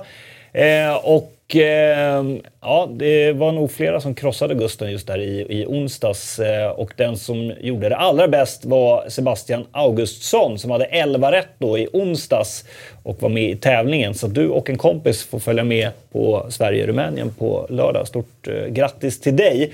Eh, vi såg också att eh, det eh, dök upp en bild här där man kan ställa frågor till panelen till er som kollar eh, live. Då. Eh, man kan ju också ställa frågor även om man inte kollar live så kanske frågorna kommer upp senare. Så att, eh, har ni en fråga till panelen, skriv det nu på Twitter, hashtag Eurotalk, så tar vi fram det lite senare i eh, det här avsnittet. Nu är det femte glaset du dricker under Älskar vatten. Ja, jag, jag Jävlar det. vilken blåsa det måste ha. Ja, vatten och vin. Mm. Vatten och vin. Står i Bibeln. Och bröd. Och bröd står också i Bibeln. Fisk också. Fisk också. Mm, då har vi lärt oss det. Nu pratar vi England. Det är bra. Det ska jag använda vad. Ja, det är bara- Det är fem, fem glas då. Nej, Jag, jag håller inte räkningen. Bra, bra. Ehm, ja, eh, det har ju varit både FA-cupen och eh, Premier League. Väldigt få Premier League-matcher den här helgen, men eh, där Liverpool då hade chansen att eh, ta tillbaka, eller hur man nu vill se på det, serieledningen. Och det gjorde man ju mot Fulham. Jag hade förväntat mig ändå att det skulle bli en riktig kross här. Eh, men det var ju faktiskt nervöst. Men CL-reaktion min vän. Jo, jag vet, men Fulham, min vän. Fulham min vän. Vi är alla vänner. Men, men eh, huvudsaken är att man ändå vinner till slut. Det är, Ja, det, jag tycker det, så är det. det gör verkligen ingenting att man inte ser bättre ut. Men det är, Martin, du var ju snudda på det lite här under CL. Alltså det, eh, Salas eh, måltorka. Han kommer ju till chanser hela tiden. Så lite som Mané förut var att kom till chanser och brände hela tiden så borde ju Salah få det. Men nu det är ändå lite problematiskt. Du menar att han har högre expected goals än hans... Exakt. Men det är ju onekligen så att, att det är ett problem i vissa matcher. Och jag tycker han var sämre i matchen mot eh, Fulham än vad han var mot eh, Bayern München. Men han är fortfarande en bra spelare som gör mycket annan nytta. Och han kommer inte komma upp i föregående års mål. mål. Det visste vi ju nästan på förhand. Men nej, jag är inte så orolig för det. Och jag är inte heller så orolig för att det inte såg bättre ut. Jag tycker Fulham också gjorde en av sina bättre matcher. Ja. Eh, ska jag också säga. Så att, eh, det viktiga, som Christian säger, är att de vinner. Eh, och att eh, liksom, vi, har, vi har sett nog av Klopp-lag som har massakrerat sina motståndare vecka efter vecka för att gå på jättenita helt plötsligt. Det här är mycket mer eh, PL-vinnarmässigt. Och det är så viktigt att sätta den här pressen på City hela tiden. För jag håller ju fortfarande... Jag har ju sett att Liverpool skulle vinna inför säsongen. Men, eh, och därför måste jag hålla som favorit och hålla kvar vid det. Men City är fortfarande ett bättre lag tycker jag. Så att, eh, att City är mer så här... Det är viktigt att de spelar med kniv mot strupen hela tiden tycker jag. Tror jag. Ja, och det blir ju intressant att se vilka av de här eh, lagen som går längst i Champions League och hur mycket det kommer påverka. Ja, och det är också, också intressant med, med van Dijk då, där den här insatsen i söndag skulle vända som ett argument mot att han faktiskt var så bra som många konstaterade efter den här insatsen mot Bayern München i onsdags. Vet du vad det påminner om? Lite som eh, när Lindelöf, fast han började i andra änden. När han gjorde någon sån här missbedömd höjdboll ja, och så var det så här, Han håller inte i Premier League. han måste bort. Ja. Han är en flopp. Nu börjar ju van Dijk börjar ju sin resa i Liverpool väldigt, väldigt bra. Och sen kommer ju det här och då är det så här, ah, ni ser. Kolla, han, han var inte alls bäst. är inte alls Nej, bra. men det- nej, För det är ju liksom ett misstag vem som helst kan Det var göra. intressant, för det dök ju upp i samband med insatsen mot Bayern München då. Så Finns det en bättre mittback just nu? Eller har Mm. det funnits en bättre mittback den här säsongen? Sådär. Jag kan ju såklart inte säga med säkerhet, men nog måste han räknas till en av världens bästa i alla fall. I Premier Så som League är- eller i Europa? Nej, Europa skulle jag säga. Jag skulle vilja säga två stycken. Som var det bättre. Piqué. Det då? Sergio Ramos och Piqué. Piqué, ja. Sergio Ramos med, med en viss eh, reservation, men Piqué var riktigt, riktigt bra den här säsongen. Jag håller van Dijk höger nog faktiskt. Men här, han är en av de toppen där, absolut. är absolut en av toppen. Och, och, och det, det Och med det menar vi att Juventus mittbackar är jättedåliga till exempel. Är det att Godin är... Han är för för kass. Ja. Men jag skulle säga det att eh, jag tycker ju att det är, det är en kedja där som är, jag menar Milners riktiga snedträff till den dåliga hemmanicken, för det är det. Men också till Alissons hjärnsläpp, när Alisson bara kan ta den så här men får för sig att han måste täcka med kroppen. Alltså, det är så mycket som går fel i den kedjan. Och, så det, Men jag tror att det är farligt också när, när vi pratar spelare och deras prestationer oavsett liksom, om vi ska börja prata om som världens bästa mittback eller dylikt. Så tror jag att man, man måste ha en liten nyanserad blick i det hela. Att ett misstag gör ju inte att han helt plötsligt är en riktigt dålig försvarsspelare. Det säger ju lite. Och, och, och, och det måste vi liksom ändå ha med oss. Alltså, misstag är en del av, av eh, sporten. Nej, men det var ju samma sak som du säger med Lindelöf där. Jag menar, vad, vad, underförstådda meningen då att han, han är så dålig så han kan inte ens bedöma en långboll som kommer bakom honom. Det säger ju ingenting om hans förmåga. Det var ju såklart en självförtroendefråga där då. Men strunt samma. Men, men överhuvudtaget så, det här Liverpool-laget, vi pratar om att de gräver fram en seger här till exempel. Då, där det var många andra lag i det här skedet av säsongen hade kunnat stappla i det skedet tror jag. Eh, och nu är det bara sju matcher kvar. Men det är ju inte så lång tid på sig att slänga bort det här tycker jag. Det, är liksom, det, det kan låta längre än vad det är. För det, det kommer... Det kommer eh, eh, det kommer nog gå till hela vägen in på mållinjen här tror jag. Det är spännande kamp också om tredje och fjärde platsen här. Mm. Ända från Tottenham ner till, eh, till Chelsea. Vidöppet. Jag vet inte fasen om Chelsea, har, om Chelsea rycker upp sig efter den här senaste farsen nu, alltså mot Everton. Det känns som att det var ett bakslag för mycket för dem. Alltså. Det är ju bara en annan... Alltså, och det är ju en annan... Chelsea verkligen ämne att prata om, eh, tycker jag, på många sätt. Därför jag, jag blir ju lite frustrerad över att det som var... Det som var Sarris stora sida, tycker jag, när han hade Napoli det var att de inte fastnade i det där impotenta bollhållandet som så många andra bollhållandelag, eller typ alla andra gjorde. Att de hade en, en, en variation, en växel till i sista tredjedelen. Den ser vi fan inte röken av alltså. Vi har, vi har pratat om tidigare, om det var spelarna i Napoli som var speciella. Insigne är ju speciell. Eller Rafa. Eh, eller, eller grunden av Rafa har lagt någonting innan som han tog över, som inte finns här. Mm. För jag blir ju lite... Samtidigt ska jag säga att, att Chelsea har fått en poäng på de här två matcherna är ju också enastående med en period när man inte får någonting med sig. Wolverhampton ett avslut, 1-1. Eh, Everton gör en bra andra halvlek, förvisso, men de har utspelade första halvlek och Chelsea borde ha dödat matchen. Så just nu så faller de allra mest på sin egen eh, förmå oförmåga att inte göra mål. Och det är också en sån grej att, att eh, ser man till bollinnehav skapar Chelsea för lite, men de skapar fortfarande så pass mycket så att de gör väldigt, väldigt lite mål sett till vad man skapar. Mm. Det kommer också... så att Fortsätter Chelsea spela som de gör just nu, så tror jag ändå att de blir ett hot om den här tredje fjärdeplatsen. Jag tycker att det ska bli intressant att se Sarri nu. Alltså, även Guardiola med liknande spel, eh, alltså med spelidé hade ju problem första året. Hur eh, lär han sig någonting liksom, av första året och kan han skruva på det till, till andra säsongen likt Guardiola? Ja, och då ska man också säga att, att, att Sarri hade ju färre spelare för hans spelmodell. Där mm. Det fanns redan värvade spelare till City när Guardiola kom dit. Om än inte ett färdigt lag. Han fyllde på ytterligare. Fyllde på ytterligare. Så det har ju inte Sarri fått. Kom senare också, ska ju tilläggas. Ja, så Sarri har ju verkligen fått mycket sämre förutsättningar mm. än vad Guardiola har fått. Mm. Men jag ska också börja med att säga, jag tror att blir de inte topp fyra så blir det ingen andra säsong för Sarri. Och det har ju inte att göra med att han har misslyckats. För det kan man inte riktigt säga då, tycker mm. jag. Men det också gör att Sarri kommer ju inte med samma förtroendekapital som Guardiola kommer. Mm. Nej. Det, det blir lite synd. Det, är, det skulle vara väldigt intressant att se en säsong två. Ja. Absolut, det hade, jag, det hade jag gärna gjort också. Men, men jag det... är osäker på, för det blir också, måste ju, i ekvationen ska förtroendet finnas där på något sätt. Ja, Annars det... blir det bara dödfött. Liksom. Ja, exakt. För det är nästa grej, att, att, att det finns så pass många som vänder sig mot honom redan nu.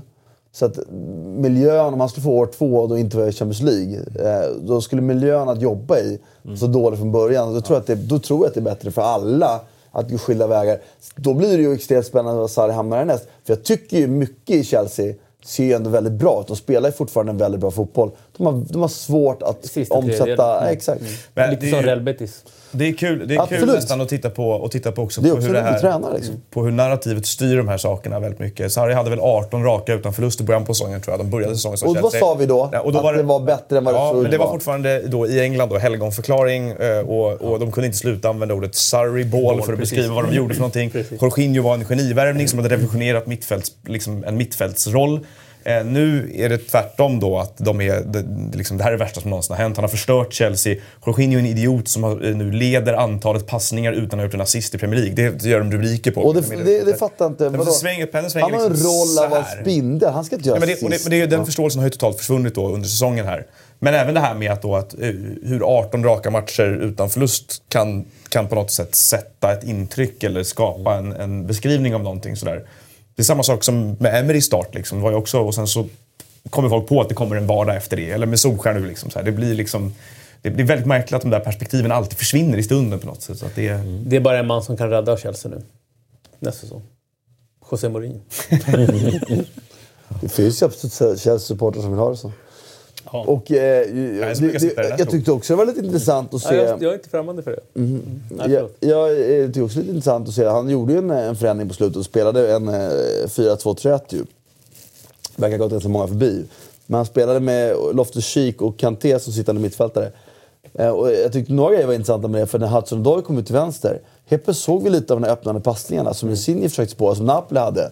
Och det är ett problem jag har flaggat för lite tidigare, att, att Hazard spelar fotboll för sig själv hela tiden. När han får bollen så han har ingen, öppnar ju inte Bra. spelet. Bra att du säger det, Utan- det är ju en väldigt stor skillnad. För att han transporterar ju boll. Så alla andra blir stillastående. Visst, Insigne vek in i banan och det gjorde han, det vet vi också. Men, han, Men han det går ju alla- inte att jämföra på något sätt med Hazards sätt att spela fotboll Nej. på. Som ju är det stora grejen som gör att det, det kommer inte funka liksom, så länge Hazard finns där och spelar i Sarri-Chelsea. Jag Det ska jag inte säga, men däremot blir det väldigt mycket svårare. Och det tycker jag, vi har pratat om det också, att jag tycker att, att jag har sagt det kanske TV, jag satt studierna med, jag sagt det under hösten, att det blir lite för mycket av, av Hazard. Det blir för mycket att han transporterar boll, för att alla andra blir stillastående. Och det blir lite eh, lättare att försvara mot, såklart. Och ju det ändå- gjorde Hudson Odoi. När han kom in, så dels jag tycker att han, alltså, han måste få spela mer. Han är så duktig här mot den lägena, men han klev in i banan och slog två bakom, mot, bakom bort eh, mittback. Som ingen av dem gick hem nu, men det var ju nära. Jag bara, den typen av spel är precis det jag vill se att de öppnar upp med. Och jag tyckte det andra var, det är också tydligt när Kanté och Loftus-Cheek var sittande mittfältare. Fan vad Jorginho saknas. När ingen av de två kan styra spelet. De tappade ju bollen i havet lite då liksom. Besynnerligt att Loftus-Cheek Men- kom med i landslagstruppen igen. Här. Han, Han, han är ju, har ju ändå viss egenskap att han skulle kunna göra det, så den, den funktionen kan jag tycka. Sen är det kanske lite brist på spelförståelse att han inte får upp Men blicken. han är en annan typ av spelare och då kanske man ska spela med en 4-2-3 då, med att han spelar bakom en roll. För att, fattar du om du kunde öppna upp med någon annan? Det skulle ju också öppna ytorna för Hazard när han väl fick bollen. För nu blir Eller- det lite Men så att... det- Loftus-Cheek skulle ju också behöva spela lite mer för han, han Nej, har fan ju, tycker det så. Han har jag ju liksom det, men- kraftfullhet i Ja, jag trodde det men jag tycker inte längre. Men, eh, Kanté men där och Jorginho ju- sittande bredvid varandra, Hazard framför. Eh, Hudson-Odoi till vänster, eh, Pedro till höger och Higuain framför. Sälj Hazard och så ge Hudson-Odoi mer utrymme. Men det tror jag absolut är en rimlig med att göra. Hans, det, det det, det, det, det tycker jag blir Ja, intressant att se Hazard nu mot året. Det Han jobbar ju för för att gå till Real Madrid. Ja, det blir ju en eh, enkel tolkning att göra. Alltså, Det är det så är ju det... Hazard säljer man i sommar, det är jag rätt säker på. Ja. Och det transferförbudet säger Marcelo, men de har ju redan säkrat upp en typ av ersättare som kommer. Och så har de ju Hudson Odoi redan inom laget.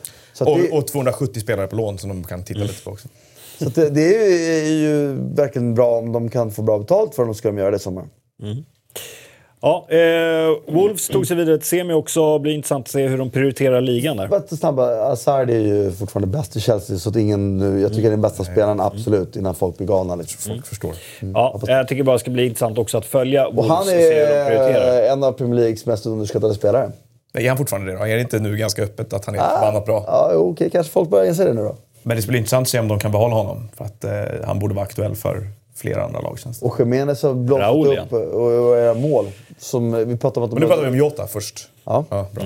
Men Jiménez har blommat upp. Eh, Vi pratade i höstas om att de saknade en nia. De behöver sätta en nia i januarifönstret som gjorde mål. Och så sa Jiménez bara blivit typ en av de bästa spelarna också. Det räckte med att de la bud på Tammy Abraham för att han skulle skärpa sig. Så I alla Eh, fall jävligt billig transferstrategi. Hörni, nu nöjer vi oss med England eh, för idag och så går vi till Italien. Vi nämner alltså inte eh, någonting om eh, Uniteds förlust. Ja, Det var ju den vi kollade på nu. Ja, vi nämner inte United då. Nej, vi har ju pratat Nej, för mycket. Solskjaer ska ha jobb, okej? det är så möjligt att han ska. Så mycket United som vi har pratat under den här säsongen så kan eh, Eh, Jag slipper det gärna. vi Jag låta bara, det vara. Eh, där eh, Juventus åkte på sin första torsk. Goran Pandev klev in och sänkte Juventus. Ja, de har ju notoriskt svårt mot Genoa. Så det var ju... Det såg jag dock komma faktiskt. Ja. CL-reaktion just i den här matchen. För att Genoa har varit bra. Mm, nej, men CL-reaktion och att Genoa har lätt mot, mot Juventus. Det är väl liksom två pusselbitar. Så att superöverraskad behöver man ju inte vara. Nej, jag kanske inte trodde på två Och det är ju inte så att de behöver vinna den för att sopa hem ligatiteln heller. Det är pusselbit nummer tre. Så att, eh, Och Juventus roterade Och Ronaldo var inte med alls. Ronaldo var inte med. Det var många som inte var med. så it was written helt enkelt. Ja, precis.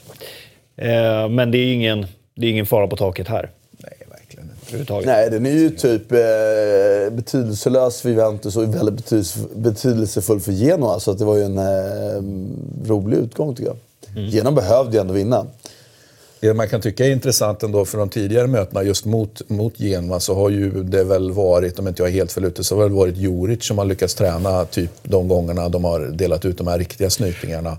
Och nu var det ju faktiskt inte Juric den här gången utan, att, utan eh, Prandelli, så det är väl möjligtvis, det är kanske är det som är det mest intressanta. Kan man Eh, har det varit Juric varje smäll? okej. Ja, men på de sista åren... Det är svårt att komma ihåg eftersom man bytt tränare lite. Han kom ju tillbaka hela tiden, men han kom ju tillbaka och, och, så, Så och så gick det bra. Va? Och så, så att, eh, bra Prandelli. Kul, och, kul att han är. Det är, Alltså, man vill ju att Prandelli ska lyckas. Apropå, kommer jag att tänka på nu, eh, eh, Serie A och världens bästa mittbackar. Eh, så har vi en skylt där van Dijk är med och en viss eh, Omar Colley när det gäller eh, de som har presterat, som inte har lyckats. Eh, här har vi den. Eh, tre spelare i Europas topp fem divisioner eh, som in, ännu inte har blivit eh, dribblade eh, av eh, motståndare. Då har vi liksom van Dijk, Romagnoli och Omar Colley. och då kan vi säga så här då. Jag, jag tycker det är jätteintressant. Jag håller ju... Eh, Hur mäktig är han inte, Omar Colley? Van Dijk väldigt högt. Jag håller Romagnoli eh, väldigt högt, även om han inte gjorde en bra match. Han var vilket vi säkert kommer att komma till. Eh, Colley, alltså att han har fått spela är ju en del av försvarsproblemen i Sampdoria. Det ska jag vara jävligt tydliga med. De släppte Och in var- ganska många mål i helgen. Ja, men och, var, och varför är det så att han inte får spela? Jo, därför att... Där Men nu finns, får han ju spela. Där, ja, varför får han spela då? Därför att det finns en klausul på Tonelli om han går upp i 20 matcher eller vad det nu är. Eh, Och då, då utlöser man per definition köpet och Sampdoria mitt under säsongen har fått för sig att, trots att Tonelli har spelat bra och varit med i landslaget, att vi ska inte gå upp i 20 här för vi ska inte köpa honom. Alltså spelar Colli och andra. Men de vinner också sina matcher. Sampdoria? Mm. Alltså, och det nämnde vi inte. man Ekdal är ju bättre. bättre än vad någonsin har varit, skulle jag vilja påstå. Faktiskt. För att han äntligen har kanske hittat sin Roll. perfekta roll på mitten. Nu, det har jag ju hävdat. Men eh, han är I också... tio års tid. Ja, men det är också, också i den rollen så har han utvecklats under året, tycker jag. Mm. Faktiskt. Och, i- och det är kanske en tillfällig formtopp, men jag tycker han var riktigt bra sista matcherna. Eh, nåväl, det var ju... Eh, ja, han fick ju eh, en åtta i Gazettan nu senast, Ekdal. Vet du? Det är ganska bra, betyg. ganska bra betyg. Det är ett jättebra betyg som en defensiv mittfältare. Ja, eller hur? Gjorde han mål eller? Nej. Nej. För det tänkte jag, att i såna fall, då är det i sådana fall ett, ett... De vinner med 5-3 5-3. och en defensiv mittfältare från 8. Ja. Förstår ni hur bra han var? Ja, visst. Så är det. Eh, men det var ju också Milano-derby där Inter vann med eh, 3-2. Det såg eh, ju kanske inte jag riktigt komma. Samtidigt så var det, ju det- såg man den komma av den enkla anledningen. För vad händer i derbyna? Den som går in eh, hårt sargad eh, har perfekta läget och därför var det ju... Men vad såg... I ett annat eh, program jag medverkar i då, så konstaterar vi att ja, men inte kommer vinna det här derbyt. Det kom, så är det. Sen att jag satt med ett kryss där, det var väl av misstag i, i arbetet. brukar ju ofta sluta kryss. Ja, men kryss är väl ändå utgångstipset, men så sa vi väl alla tydliga med att den här kan gå precis åt vilket håll som helst. Ja, Det är helt visst. vid. Men hade jag lutat åt något lag inför så hade jag ju sagt Milan. Vet fan. Ja, den, Jag är Alltså, jag tycker Milan, mina... Har spelat sämre än vad resultatet har varit. Inter har spelat, inte bättre, men de har spelat i alla fall lika bra som de. Det kändes som att det var helt vid. Men de saknade ju också väldigt Och många spelare Inter inför den här Inter matchen. har ju bättre trupp, även med Cardi borta. Så de fortfarande, Milan är ju inte där ännu. Milan tycker jag har tagit otroliga framsteg. Mm. Tyvärr var det ju ett av de framstegen som var en av de största syndarna i år. Romagnoli var faktiskt... Eh, dels första målet så... När, de, när han slår inlägget, eh, Perisic över till andra sidan, så står ju faktiskt eh, eh, Romagnoli sover. Alltså den, han, det, det är sådana grejer som, det hade ju Puyol aldrig missat. Liksom. Det där man, en försvarsspelare när bollen går över, det spelar ingen roll om det är osannolikt att den går tillbaka in i den, den yta du ska vara i. Du måste ju ta de metrarna. Det gör han ju för sent och då är Vesino ensam och kan stötta in den. Så det är Romagnoli som gör ett stort misstag på första målet tycker jag. Sen missar han en markering på ett av dem också när han är alldeles för rätt viker ner sig. Så, så att, eh, tyvärr för Milans del, i, i en match som var ja, men underhållande och Verkligen. fantastisk Bra inramning. för. Och fantastisk inramning också. Det, det, är fan, så det är ju en jävligt mäktig arena. ja, det händer ju massa i matchen också. Jag menar, domaren går ju ner i spagat när han ska eh, peka på straffpunkten. Eller säger man spagat? Är det det? Ja, men... Ja. Eh, split, split, är det. Spagat är väl framåt. Ja, just det. Jag blandar alltid ihop det där. Eh, och eh, nej, men Conti blir utvisad fast sen kliver VAR in och säger att... Eh, var ju rättade till ett fel, perfekt. Att det ska bara vara ett gult så att han får... Jag tycker det är... Är det straff tycker ni? Ja... Tveksamt. Alltså, är han på? Han är på honom och är så lite så att det är... Ja. Jag tycker en av vinklarna verkligen säger att det inte var eh, knappt ens kontakt. Alltså återigen, vinklarna leker med oss här också. Det, jag, jag tycker den är väldigt svår. För jag tycker att det finns kontakt, men jag tycker inte det är kontakt som ska ge en straff. Men... Ja, nej, jag, jag, jag satt i sällskap och, och, och tittade matchen med eh, Milanisti som som erkände att ah, det, är, det är straff. Men mm. så jag fick sitta där och, och vara den tveksamma så att säga. Så att... Alltså det kan blåsas, det är inte det jag säger. För det är, det är ju verkligen hur hårt man bedömer den där beröringen som är där. För mig är det lika tveksamt som Juventus Atletico Madrid-straffen. det sitter en tagg där min vän. ja. Nej, men jag måste, när det gäller den här matchen, jag, jag, blir, jag tycker det är beundransvärt egentligen hur argentinarna massproducerar den här prototypen av anfallare. Alltså, lite korta, lite mm. satta, lite stor rumpa. Liksom. Men, alltså, han kan bli hur bra som helst den här gubben. Det är väldigt bra spaning. Och det är liksom bara, Nej men det är ju verkligen, alltså, vi pratade om Icardi Piontek. Ja. Ja, men bäst just nu är Lautaro. För ja. Lautaro gör som ingen av de andra gör. Han är ju bra i spelet ja. också.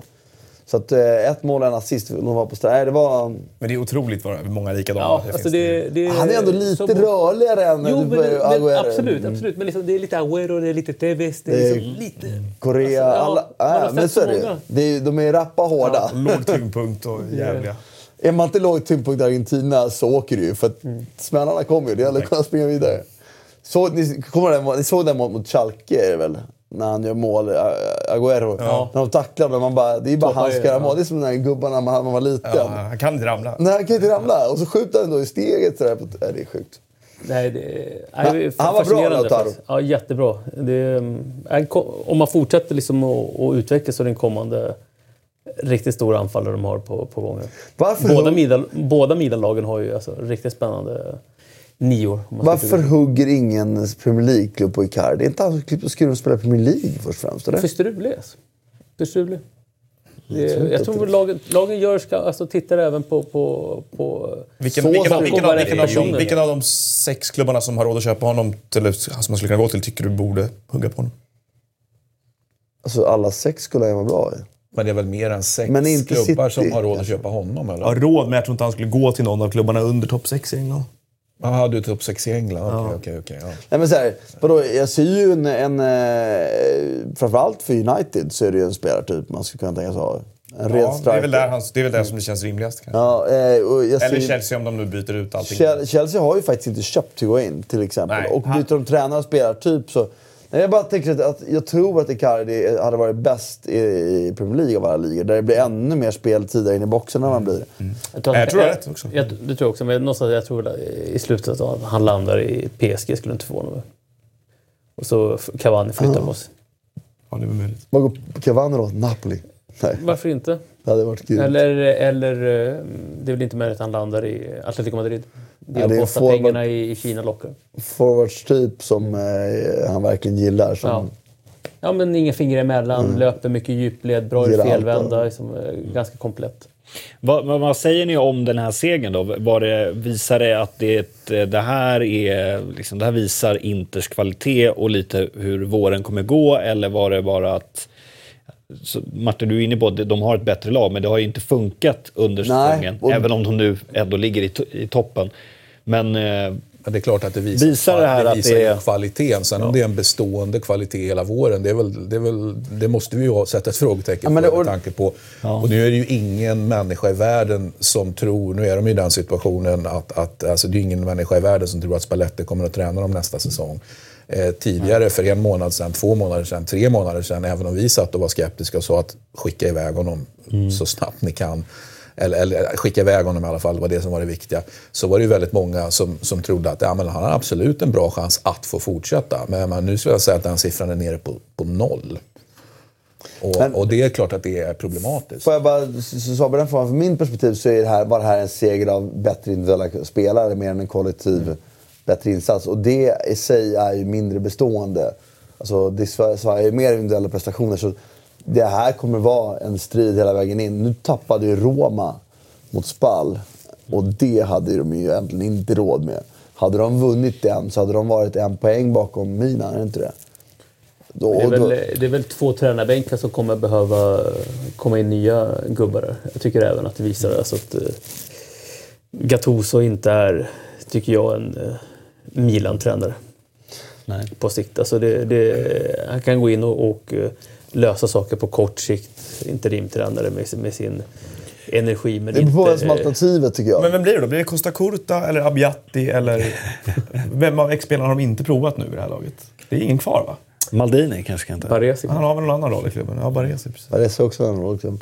Nej men eh, det är ju... Precis, de har Eh, gått runt på många. Det stämmer. jag tror ju att, att eh, jag, har, håller ju med kanske att, att, att ska Milan Cedorf kommer tillbaka. satsa på... Rui Costa var det. ska Milan satsa på att bli, vinna ligan så måste de byta tränare. Men jag tycker inte Milan är lika... Det är inte lika givet för mig att de ska byta tränare som det är för Inter.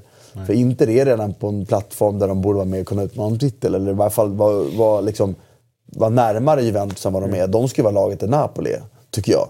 Eh, med den, de Vad finns det för några där ute då? Som Nej men det är ju kunna det vara för grejen. kompatibla så med Inter Inter ska byta, Milan ska byta om beroende på vilket alternativ de har. Eller beroende på hur de vill satsa. Om det är nu så att de tar in kapital och gör en enorm satsning, ja, då måste de byta tränare. Men om de ska rulla vidare på det lag de har och förstärka lite, eh, då tycker jag att då, då ska det vara en jävligt klar tränare. Jag menar Conte. Conte, kompatibel med båda Ja, lagen kanske. Wagner. Ja, skulle vi behöva visa någonting mer först, men absolut. Det vore en rimlig chansning av dem faktiskt. En tysk i Italien. Men det är, inte, det är inte läge nu att chansa med, med, med fler utländska, varken sportchefer eller tränare känner jag. Utan det här är ju, det ska in, eh, på båda de här positionerna så ska det ju in italiensk tränare. Det, det, Men det är inte det de har... Eller vad? om det är inte typ Guardiola, Rocklanda eller något sånt där. Så någon, så, Eller Rafa. Men Sarri kommer ju kanske bli ledig och det är ju intressant för båda klubbarna, tycker jag. Och det vore intressant för oss också att få se Men, Sarri men, men, ytterligare. vi är inte riktigt med på resonemanget här. Alltså, vad är det de har tänkt fel, menar du, flera gånger på raken, som gör att de måste återvända till att ta just italienska tränare? Därför att det är excep exceptionellt svårt att vara utländsk tränare. I de här klubbarna? I, ja, i Italien per definition och Mm. i de här klubbarna. Och det är inte, de är inte i läge där de mår så jävla bra att de har råd. Alltså de orkar inte med den, den totala kraftansträngningen som ändå krävs att, att, att, att skydda en tränare som då blir snabbare ifrågasatt. Alltså de, Men har de inte det är ingen klubb som mår så bra av dem eller är så långt fram i sin, i sin gärning så att, så att det är läge att, att chansa. Men hade de inte mått bra av en identitetskursändring liksom, kursändring på det sättet, tror du? Det tror jag inte. Jag, tror, jag, Jag jag, tänker tror, bryta upp från de här mönstren som gör att de har liksom hamnat Vadå? där de hamnar nu. Jag tycker jag tror att, med all respekt för, för, för tränaren du nämner det, så tror jag att det skulle bli... det, var bara, det var bara en, en Ja, nej, men jag, tror idé. att, jag tror att det skulle bli katastrof på båda de här två, eh, i båda de här två klubbarna faktiskt. Men, men Wagner måste ju visa någonting mer först också. Wagner är Det intressant. beror på hur högt man håller i de här klubbarna där de är just nu, i ett europeiskt snitt. Alltså jag vet inte hur attraktiva de är. Du pratar om Guardiola, det låter liksom för mig som ännu längre bort på en skala än vad Jag Wagner bara är åt andra hållet. som undantaget som bekräftar regeln. Liksom. Alltså, de här ska ta italienska tränare. Vadå, jag, tror, jag tror att om, om eh, Guardiola väljer ett lag härnäst så är inte Inter och Milan otänkbara. För det, är- du måste komma ihåg historia och, och fan och, och, och stora klubbar. Och jag tror, apropå det Christian på, jag tror att, att Milan är en stabilare grund. De har en ledare, de har ägare nu där de fan inte låter någon pissa på dem. Så de kan komma och säga vad de vill. Elliot eh, på Singer, han kommer inte bry sig ett skit. De är otroligt målmedvetna. Så att det, jag är inte dugg orolig för Milans kurs i framtiden. Eh, även om de ligger längre ner. Men jag är inte, bara inte säker på att de är i position att nästa steg är att ta in ett världsnamn. Eh, eller bara förändra. Utan de kanske är bättre för dem att tuffa på något år till. Jag tänkte mer Jag att här, man, man tittar, utan, man tittar utanför de tillgängliga italienska tränarna. Det blir ofta så. Liksom där. Det är ju där de, de här klubbarna brukar kolla vilka italienska tränare är tillgängliga. Det är den poolen de fiskar i ganska mycket. Så tittar man utomlands då, bra, tränare som har ett bra jobb i andra höga ligor. Så Men det har även inte om, Wagner gjort ännu. Det beror på om du tittar på hela perioden där. Det är klart att det, det slutade han, inte alls han har bra. tagit ett lag från, eh, som, som är från eh, Championship upp till botten av Premier League.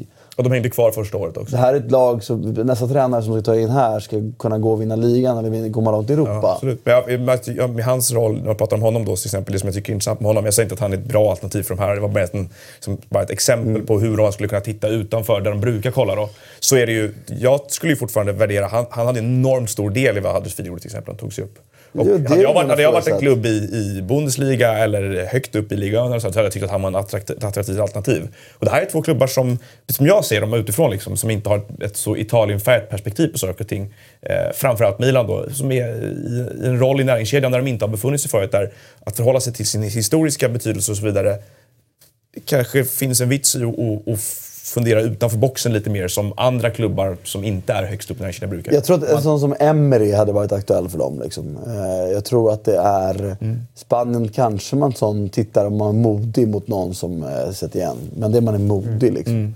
Jag tror inte de tittar på... helt fel jag, på jag, Jag bara- tror, jag tror inte de tittar på en tränare som har spelat kampfotboll och organisation för att överleva i Premier League. Intressant för de här två klubbarna. Tittar man ändå historiskt Nej, men det är på för- vilka tränare som har varit stort, ja. mest, mest framgångsrika, om vi tar Milan bara som ett exempel, eh, om, om vi backar 30 år eller 40 år eller någonting, så, så är det ett utmärkt bevis på att de är ju inte ett dugg nervösa för att, så att säga, chansa och ta tränare nerifrån serier. Eh, om du kollar liksom Nereo Rocco, eh, Arrigo Sacchi, Capello. Vi kan räkna dit Ancelotti också som ju inte hade liksom varit, varit fantastisk innan. Han, han, han kanske inte var fantastisk i Milan. Parma, Juve. Men där har du de fyra mest framgångsrika. Det var ju inga... Det var ju människor man fiskade under bordet. Liksom. Det var ju inte att det var världsnamn på något sätt. Utan Milan gjorde ju de här fyra, skulle jag vilja säga, till, till världsnamn då i sådana fall. En tränare som jag skulle vilja lyfta upp här som ett potentiellt alternativ, kanske mer till Inter, men eventuellt skulle kunna vara för, för Milan också. Det är ju en, en sydamerikan argentinare vid namn Marcelo Gallardo. Tränaren i eh, River. Eh, Som har gjort jättefina resultat. eh, Har också en Det är ju historik av- troligare på något sätt att man av att plockar spela från i, i Sydamerika. Frankrike, i Monaco. Fast det steget blir väl förmodligen Spanien först. Det brukar ju vara troligt att de hamnar i Spanien innan. Ja, det är väl inte omöjligt, men jag tror ändå att han... Är inte det Sevilla nästa år då? Vi får se. Vi får se. Vi kommer till eh. Sevilla. Sportcheferi, ja. Men, men eh, vi gör så. Vi kan väl snabbt bara innan vi går vidare ta en titta på tabellen och eh, se hur eh, toppen ser ut i, i Serie A där Inter alltså går om. 53 poäng, Milan kvar på 51 och så finns det ju Roma då, då på Det var ändå 47. viktigt att eh, Napoli eh, vann. Sju poäng ner. Så hade de inte, det var ju, tappade ju 2-0 till 2-2. eh, Mycket märkligt. Eh, Fofana är i och för sig en bra spelare tycker jag då, bakom båda. Men eh, målen som Odnes gjorde. Sen händer det grejer i bottenstriden också, vilket ju är, är minst lika intressant. Otroligt. eh, Det är en del som börjar röra på sig och ta poäng nu av de här eh, Skulle aldrig sämre kickat Andreas. Soli, det jag sa ju. Fan, då hade de inte varit där nere i Empoli. Ja, det är jag inte säker på att jag Nej, men det tycker om. vi olika. Jag tyckte att de spelade så bra under honom och det hade kommit resultat. Spela bra gjorde de absolut. 54 insläppta. Så det, Men nu är det faktiskt ett dråple här att de släppte in, eh, alltså även, i, även om Hakini satt en längre tid, men även om du räknar snitt per match så är det ju faktiskt så att tränaren som de köpte för att vara mer pragmatisk och släppa in mindre mål och vinna matcher också. Han vann förvisso några matcher mer än Andreas Soli, men han släppte också in förvånansvärt mycket mål får man ju säga. Och Kanske Lazio, säger någonting om den här backlinjen också. Lazio, om de vinner nu den här hängmatchen så är de alltså uppe på 48. Då är det faktiskt riktigt jämnt. Som sagt, Roma hade behövt vinna det där. Inte, de kan ju fortfarande nå Champions League, men vilken sits de hade haft då. Liksom. Det blir roligt och det är kul. att Vi pratade väldigt lite om det i Premier League, men att det är de två striderna. Det är ju faktiskt... Det kommer bli kul att följa hela vägen in. Eh, Atalanta får vi räkna bort nu eftersom de inte riktigt... De har tappat lite styrfart tycker jag. Ja, nej, det blir väldigt spännande att eh, följa. Eh, Marcelo, du nämnde Monchi där. Vi ska prata eh, lite om honom och eh, en hel del Spanien nu.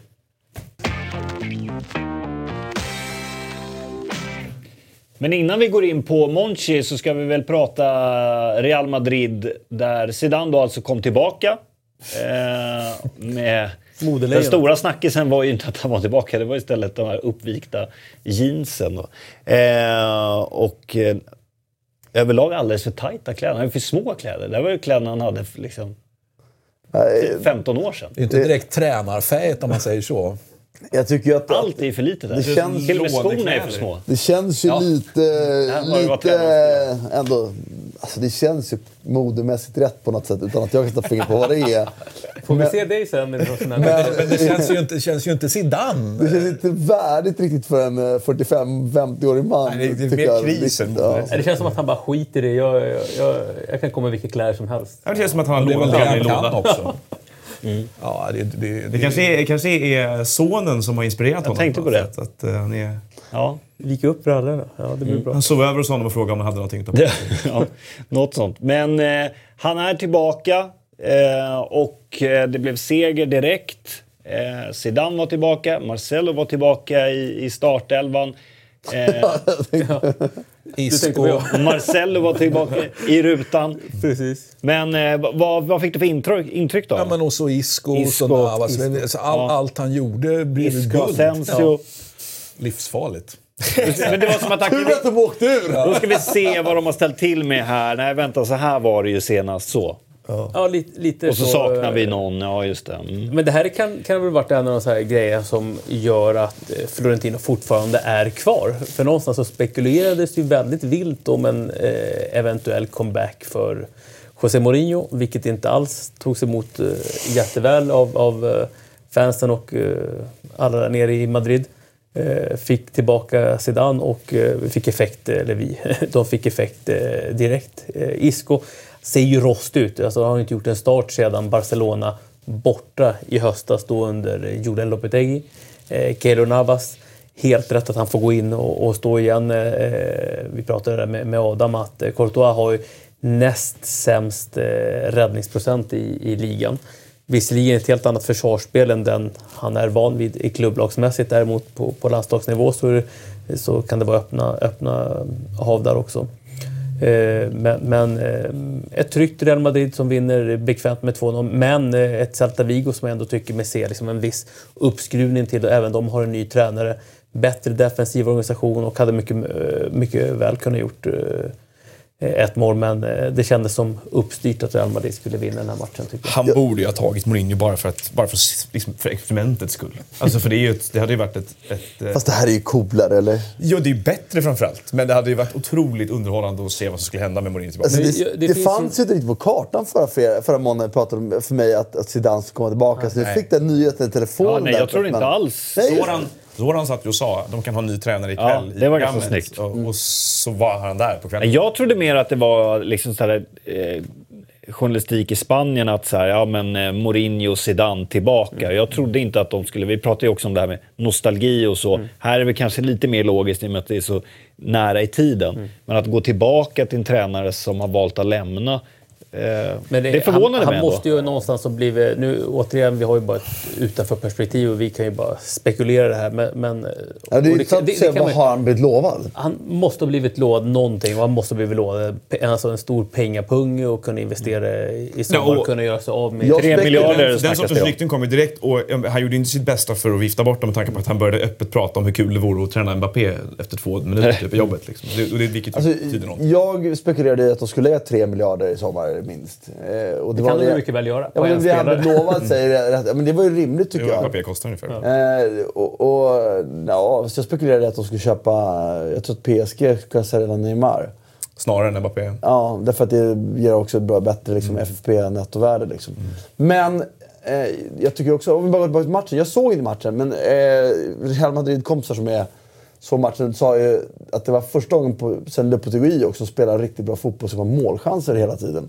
Och att, att Isco må vara ringrostig, men det är obegripligt att han Han inte... ger ju någonting till... Ja, eh, till helt obegripligt att han inte startat. Men tillbaka till Real Madrid så tycker jag bara att det här är ju... Eh, det är ju... Alltså det är så... Det är så det var så, jag håller inte på dem, tvärtom. Jag tycker egentligen om Barcelona, men jag kan inte låta bli att bli glad när det blir Zidane tillbaka. Pengasatsning. Real Madrid ska ju vara den klubben. Och vi berörde det bara lite grann sist, men jag tittade lite på deras arenafinansiering. De har fått en halv... Nej, 600 miljo- miljoner euro i lån. För hela byggnationen är bekostad. Och de räknar med, och estimeringen är att de ska öka sina in, in, nettointäktsökningen för matchday över ett helt år ska vara 150 miljoner euro. Alltså det är otroliga jävla pengar. Alltså, och tittar du på efter avskrivning och räntor så ska de ha en miljard mer att röra sig med varje år. I 30, ja, men det, det kan man Då kommer vara kvar där uppe, så kan man säga. Så här, de kommer vara kvar, de kan ju möjligt att dra ifrån liksom. Och någonstans säger man 3 miljarder, det är ingenting för dem att lägga i sommar. Liksom. Det blir så jävla roligt att följa tycker jag. Och det vore ju kul med Neymar dit. Jag vet att min son kommer hata mig för att jag säger det här. Men, eh, när han, Ja, men någonstans så kommer de ju...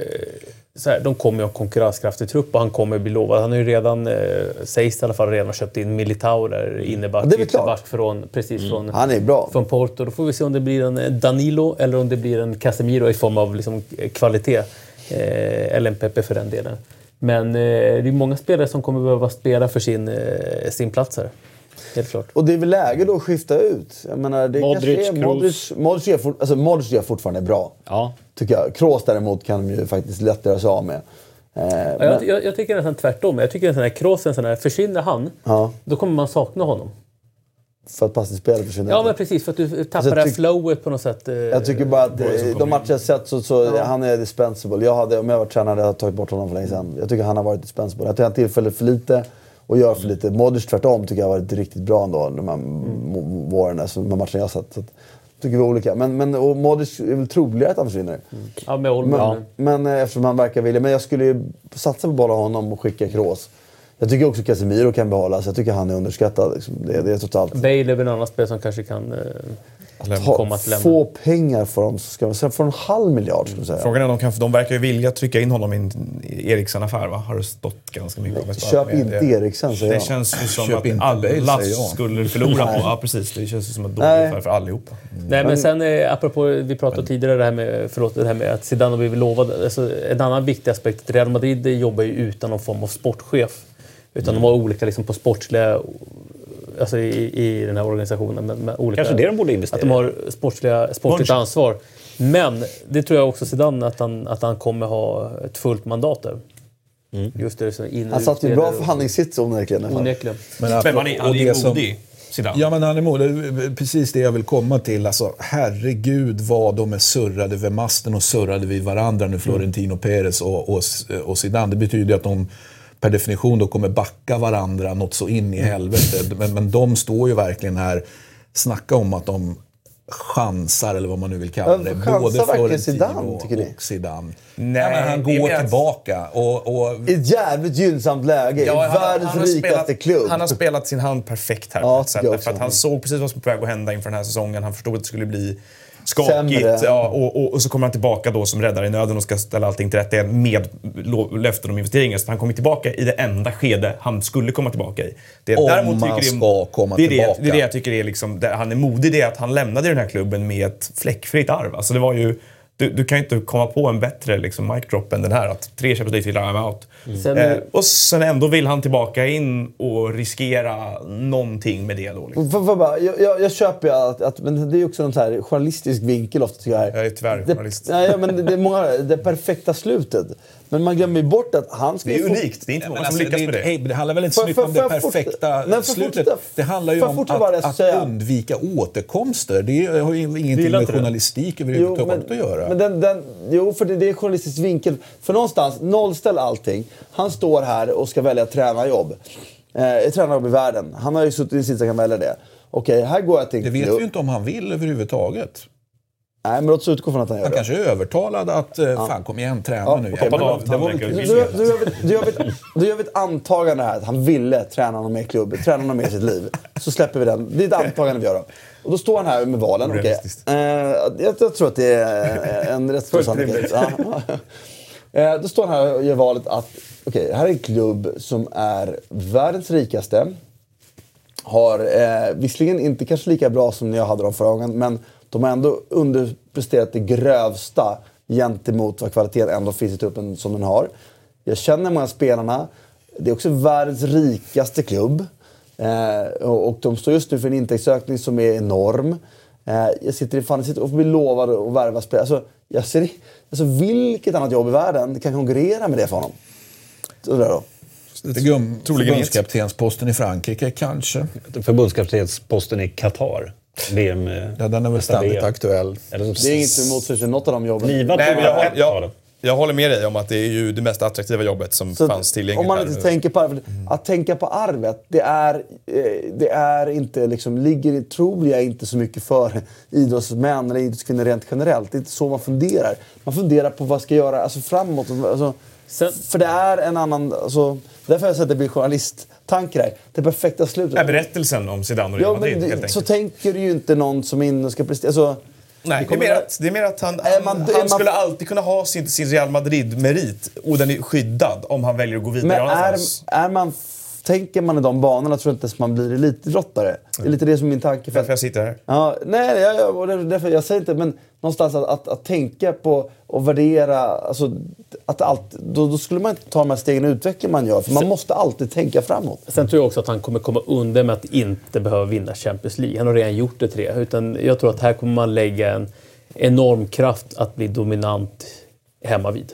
Alltså i ligan. Man har två titlar på tio Det- år. Det är där man Ja, behöver, de behöver liksom börja vinna ligan nu. Det är ju- Vinna två, tre år. Svårast titeln att vinna har ju varit La Liga. Ja, det är också lite blir kul om man sätter det här i system, apropå journalistisk vinkel. Att han, han gör tre säsonger nu, sen hoppar han av ett år, sen kommer han tillbaka. Fan, och så är han Real det- det- det Madrid-tränare. Men vill man inte någonstans se liksom en comeback av Guardiola i Barcelona, Barcelona, ja. och se de två som går head to head? Några Absolut. gånger Men Det Guardiola ska drömmen. tillbaka till Barcelona som tränare eller som sportchef. Absolut. Ja, Då hade Guardiola klätt av Zidane, är helt säker. Det tror jag också. Det tror jag också. det tror jag också. Eh, men apropå tränare. Martin? Jo, jag tror också på det. Ja. Jag, jag minns inte att vi har pratat eh, tillräckligt om eh, Bordalas, Getafes tränare. Och Getafe! Eh, nu fick man 0-0 mot Valencia i en viktig match. Eh, eh, och just nu har man en Champions League-plats. Vi får väl se vad det blir av det efter 38 omgångar. Men det han, ser håller, på, ut. det han håller på att göra är ju eh, alltså i prestation Ja, förutom de då som tar eh, titeln och Champions League och Europa League så är det väl liksom få som kan stå Det för är bättre bra prestation. Nej, men det är väl ett, eh, ett bevis på att eh, tränarhantverket att det är bra, bra, riktigt bra nere i, i, i Spanien. Det här är en, en tränare som till större delen av sin karriär huserat nere i Segunda B. Det är tredje divisionen. Eh, fick möjlighet att Ser lite ut som träna... barn. Ja, fick möjlighet att träna Alaves säsongen 15-16. Tog upp dem i La Liga, fick sparken Fick under sparken, sommaren. det sjukt De tog in Mauricio Pellegrino, eh, Argentina, gamla eh, stormittbacken. Tog över sedermera Getafe eh, hösten 16 eh, när de låg på nedflyttningsplats i september, slutet av september. Eh, spelade upp dem till eh, kvalplats. Tredje laget kvalade ju upp i, från La Segunda. Och ja, nu är de här. Ska man inte ta bort det med kvala upp och ner? Alltså, ska man, om man ska kval så ska det vara från över som vi har i Sverige. De här playoff som vi har i Italien, det tycker jag är vedervärdigt faktiskt. Ja, det också. Det är, de är sköna också. Ja, jag gillar dem. Nej, Ja, det fan. någonting det. Blir, blir man trea i ligan ska man fan få Ja, en precis. Och då är det att det laget har 90 poäng och så tar de 91-92 för och så möter de ett lag som har tagit 63 poäng och så torskar de kvalfinalen på en feldömd straff. Ja, är är-. Nej, men tillbaka till hans eh, eh, tränargärning. Om man tittar på, på hur eh, Getafe spelar. Det är ju ett väldigt fysiskt lag, många fysiska in i mittfältet. Ett rakt 4-4-2. Och det är det som på något sätt blir som en kulturkrock i Spanien och det är därför du kan få så bra effekt. För du har så många lag som är jättebollskickliga, man spelar sig upp och det är det man pratar om väldigt mycket på tränarutbildningarna i Spanien. Hur man ska penetrera motståndarna, bryta igenom lagdelar med ett kort passningsspel. Han går ju lite emot det. Som tidiga bollar in bakom, det var det till exempel Valencia fick jättebra effekt förra året. Och, eh, eh, och bra scouting. Eh, bra scouting, eh, liten pengapung. Eh, återigen, de Och en, hyfsat ny sportchef också som ju har stått för det där, eller hur? Absolut. Det är ju värd att nämnas. Om inte jag minns helt fel så är det ju så att de har eh, tillbringat tid i, i Alcorcón, eller vad det heter, exakt. eh, eh, Bordalas här och sportchefen vars namn har försvunnit precis här och nu. Så att det finns ju... kan vara Tony, Tony Munoz som du tänker på, gamla vänsterbacken i alltså, strunt samma. Men, men det är ju en intressant gärning för de är ju på väg mot sin främsta position i, i högsta serien någonsin. Ja, de har ju varit ute i Europa ny- tidigare, men inte i Champions League. Det är unikt. Ja, men, men då tog de sig ut genom att, att landa lite längre ner i serien än, vad de, än vad de är nu. Så att, eh, Och deras främsta konkurrent är en annan klubb som inte borde vara där. Jag tror för spansk fotboll eh, är det ju kanske inte optimalt när det är Europapoäng att Getafe går dit. men det är kul. Kanske inte, säger jag. För att det är någonting jag säger, för jag håller med om att Bordalas är... Hans sätt att spela fotboll är ju ett sätt som man skulle kunna klara sig bra i Europa med också. Alltså det är ju en omställningsfotboll och det är en eh, välorganiserade, eh, absolut välscoutat. Jag menar, Jemmy Matat var inte, för mig i alla fall, jag såg inte honom så mycket för men att han skulle vara så bra som han var ett år, det trodde inte jag. Men han Eh, spelade ju La Segunda förra året, kommer man ju komma ihåg. Förra året, två år sedan, ja, I Valladolid. gjorde en jävla massa mål i alla fall. Mm. Men jag tycker bara att, att det är, vi pratade om det innan här, du och jag Björn, att det är ändå inte en tränare som ett topplag i Spanien ska ta. För att den fotboll de spelar kommer inte han kunna eh, utöva. Liksom. Utan det är mer intressant i sådana fall för ett lag i Premier League, tycker jag. Såna, Mm. Man pratar nu. Ett nästa steg. Och det borde vara... För hittar man... Jag vill ändå, de kan ju spela fotboll också. Det är inte så att de inte håller bollen. Eh, så att, jag, jag, det är en otroligt imponerande gärning. Och jag hade bara- över Leeds istället, när, om de inte de lyckas gå upp. Ur, ja. Nej, men jag syftar väl kanske att, vi är ännu högre upp. Eh, Varför inte ge honom ett mittenlag i Premier League? Liksom? Det finns en, en spelare i Getafe som förutom Jaime Mata, man tittar oftast på de offensiva spelarna, men det finns en mittback, eh, Ja, är- Togoles, Genje. Ja, han är bra. Eh, jätte, jättebra. Ser inte ut att vara mycket till, till en fotbollsspelare, ganska kortväxt, men alltså, riktigt bra Jävligt duellspel. Eh, Han kan också spela sittande mittfältare. ju. Absolut, och även ytterback. Men det, det är främst som mittback som han har spelat. Och, och Bordalas har också sagt det. Det är den bästa spelaren jag har, jag har tränat. Eh, ditt Arsenal eh, håller ju ett öga på honom, eh, läste Jag tänkte precis säga det, han blir väl kanske inte kvar då till nästa säsong. Men att Det är han ens blev kvar efter en sån jag förvånad. Jag hade ju lite Ja. så här, Jag följer inte som Marcel gör alla lag på samma sätt. Men jag kommenterade ju en hel del förra året. Och då så gjorde vi Getafe mot Barcelona tidigt förra hösten. Och direkt slogs med av helvete vad välorganiserade de är. Och tittar man vad det är för spelartyper. De, det var ju spelare som... Ja, men, det var ju någon från Segunda D till och med som spelade. Man- Det här är ju inte ett lag som borde kunna spela så bra fotboll som de gjorde. De och, då var, annat och då stack han ut. Så för mig förvånad, och då, Sen såg inte jag de alla matcherna. Men jag blev ändå förvånad över att han var kvar. Man tittar nästa år, alltså, är han kvar? För han var för bra tyckte jag redan då. Och då spelar han ju också en slags man-man mot Messi i vissa delar. Och det, det gjorde han jävligt bra alltså. Mm. Nej, men det, och det, det som är intressant, var ju bland annat eh, Mathieu Flamini på, på inne, eller är i truppen, nu spelar han väl lite då och då. Men det som är intressant, när vi pratar bra scoutingverksamhet, eh, då tänker jag inte bara att man värvar bra spelare, utan man faktiskt plockar in bra spelare med rätt karaktär, rätt bakgrund, billiga så till sättet hur man vill spela fotboll. Eh, Och det är det man har lyckats med. Alltså, spelare som kan, passar in i de rollerna. Eh, beroende på vad en vänsterytter ska göra, vad en innermittfältare ska Och det är det han har lyckats implementera. Och så har de Exakt, exakt, den, exakt den definitionen av scouting är ju, den dök upp i veckan för jag berömde Liverpools scoutingarbete över ett par år nu här med tanke på att de har satt väldigt många spelare precis för sitt spelsätt. Sådär. Eh, Och då vände sig många mot det att ja, men kolla hur mycket pengar de har spenderat och så vidare. Men det är otroligt vanligt att klubbar spenderar stora pengar på etablerade spelare som inte passar för hur de vill spela. Ja. Eller som har karaktärsbrister till exempel kontra hur saker och ting fungerar i, i lag eller klubb. Och så där. så att eh, det, jag håller helt med dig. Det där är ju det blir lite som att man tror att scouting måste vara att åka runt en gubbe med, sån här, med, med hatt med långa kanter på den uruguayanska landsbygden och letar efter små genier liksom, som spelar på, på en bondgård ungefär. Men så är det ju inte riktigt. Utan det är ju tvärtom kartläggningen av all data och alltihopa. Hur, vad gör Jag vill bara säga det, över? på det du säger nu, Mm. att det är mycket svårare att sätta spelare till Liverpool än vad sätta till Getafe ändå. För det finns miljoner spelare i Ja. världen att titta på. Ja, och förbättringsmarginalen är mycket mindre. Ja, och Liverpool pratar vi om att de måste hitta de bästa och desto mer konkurrens. Så det, är, det är bara för att alla, alla som, när man ser van Dijk, det känner alla till. Men här kommer någon som, men fan är du scout och kunde inte spela? Det finns så jävla mycket bra spelare Men här återigen, jag vill bara eh, gå tillbaka till det jag sa så inledningsvis. Här är ju en tränare, okänd tränare, alltså som gick till Alaves och sen till Getafe eh, med, med spanska mått. Eh, och det säger också en hel del om den spanska tränarskolan, att det finns otroligt många bra tränare och en, och en eh, hög konkurrens om, om platserna. Eh, Jag vill i grunden inte säga emot det, för det, det, så är det absolut. Men jag tror att samma fenomen finns i flera av de här. Det är lätt för, för i Sverige är det ju så att det finns ju... Det är mycket lättare. Alltså är det bra i Sverige får du rimligtvis chans som tränare högre upp förr eller senare. Men vi har ju massa mängder av tränare som har tagit steget ganska sent. Det var ju Sarri ganska nyligen. Men därför att det är ändå en enorm konkurrens på bra tränare. Italien, Spanien, Tyskland, England också. Långt i systemet är det jävligt bra tränare som inte riktigt kommer till rätt klubb, som får ett break. Förr eller senare får en sån här break. Men det kan dröja 15-20 år innan han får sitt break. Men hette han Kievo-tränaren pratar ju alltid om det, Del Neri. Del Neri. Han pratar alltid om det, att, att de får beröm. Hur fan kan du vara så bra? Så här.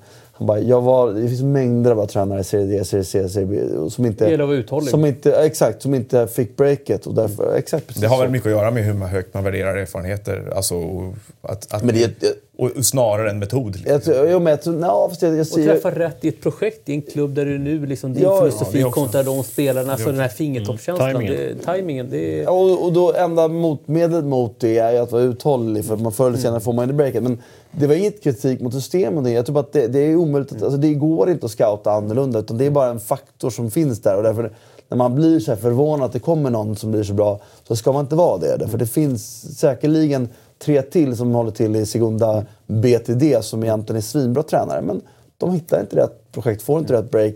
Når kanske inte så lika, samma höjd. Så där. Man, blir, man, blir, man, man ser de här alltid presskonferensbilderna från Spanien så är det alltid t-shirt och lite brunbrända och liksom inga ringar under ögonen. Så när vi har bilder från England så är det alltid de helt nednötta, Det är lik. väderbitna, svär om Brexit. Och det liksom. Sen är det väl oftast det här märket eh, Choma eller Ja. Kelme. Det gillar man. Ja, jämför hans look med Neil Warnock. Ja, jag menar det. Det är... The rest of the world can go. Ja. ja. Och um, alltid mycket läsk eh, fram. Men det eh, vi ska börja runda av. Men eh, Monchi tillbaka i eh, eh, Sevilla. Det här stör dig lite, lät det som lite när vi Ja, klev in alltså, här det i är ju studion. svansen mellan benen och, och eh, jag har ju uttalat mig mot återkomster. Det gäller ju även, alltså, jag, vet, jag vet inte vad jag ska säga här. Nu är det ju en dubbelåterkomst här eftersom han som Inte lika sportchef- snyggt som Zidane. Han som sportchef var nu på, på, på slutet var ju Caparros som var, var tränare under, under Monchi. Så nu, nu, nu är, har vi helt plötsligt en, en Caparros som kanske inte är riktigt lika, han kanske är lika bra tränare men hans momentum har ju såklart försvunnit. Han var ju en fantastisk tränare en gång i tiden. Och nu återuppstår det här liksom, duon då. Så, så det tror jag inte på. Att, å- men, men Caparros kanske försvinner, vad vet jag. Men det känns ju inte riktigt som att han kommer att göra det till nästa säsong. Så att, Ja, det blir ett frågetecken och framförallt ett frågetecken på vad Monchi har hållit på med. Liksom. Var, var det så jävla jobbigt att vara där borta eh, i, eh, ja, i Sevilla? Han var ju så trött och, visste, och visste inte vad han skulle ta vägen. Och, och, Och sen var det ju snack om att han kanske skulle till London. Men Ja, det var ju extremt så mycket bra. Det vek här han. verkar ju ha varit en, ganska- blivit, den utlösande faktorn här var ju att sportchefen Caparros skickade tränaren själv ner och satte sig och då fick helt enkelt presidenten eh, slå en signal. Och Hur långt på vara kan nu då? Är det klart? Nej, men det är inte helt klart än. Det är så gott som klart. De pratar om till 2021, 2022 någonstans där. Eh, Det ska vara en presskonferens nu klockan 13.00 om några minuter. Eh, Hoppa eventuellt på, eventuellt som det inte är helt eh, klart då, men från och med första, första april.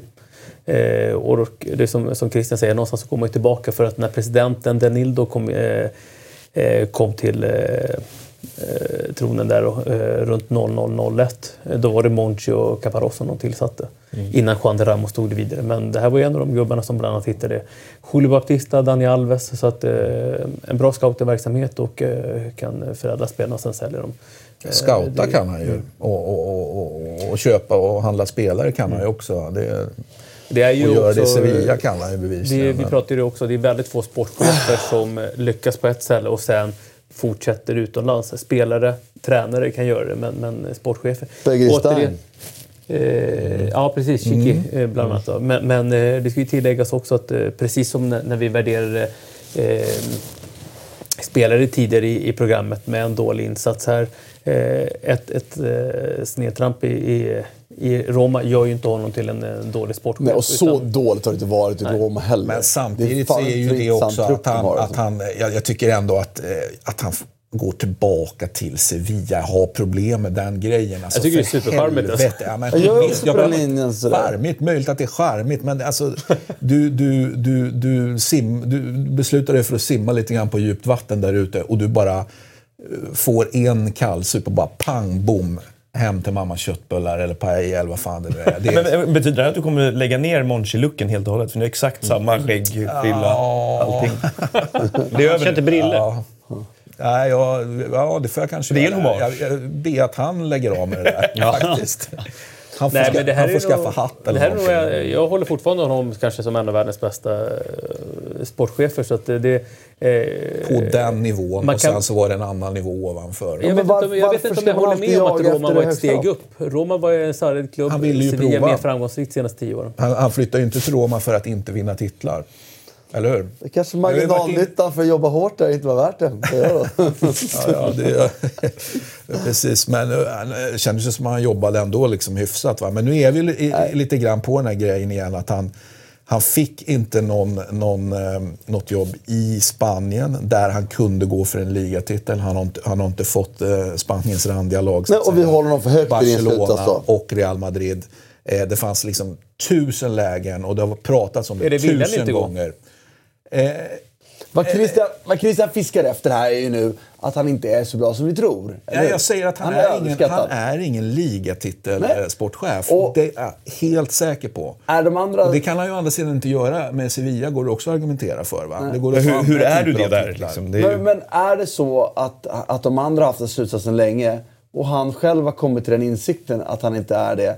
Är det fel då att gå tillbaka och fatta att okej, jag når inte det där. Nu ska jag vara bra där jag var. Men då får vi ju säga så här att för ett och ett halvt år sedan så hade han i alla fall eh, inte den insikten. Nej, och prova. Och det gick inte. Eh, och, och jag menar, vad har du för, för så att säga, hur duktig är du på att läsa dig själv om du beslutar dig för att göra det testet, beslutar dig för att gå till en klubb Roma. ska...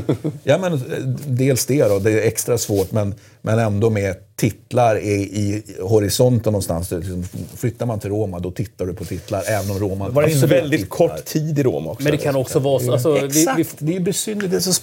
Nu är vi på det här, en tränare kan ju lämna efter ett och ett halvt år och så kan man tycka så här, ja, men han hade väl liksom lite hyfsad staying power, det var inte hans fel och så vidare. Men sportchef, du ju fan dit på fem, sex, sju år. Jag menar det, det är konstigt att planera för en halv säsong. Liksom. Och sen, Men vi, vi, man, man måste ju ändå ha med lite andra mänskliga värden liksom grejer. Det kan ju vara mycket värre så att de, det, det, det har inte funkat. det har inte, ja, men det, det har inte funkat. det har inte funkat. Han har inte liksom trivts i landet. Det, har inte trivts, det kan ju vara sådana Familjen grejer. trivs inte. Nej, men eh, och då gör man inte ett bra jobb.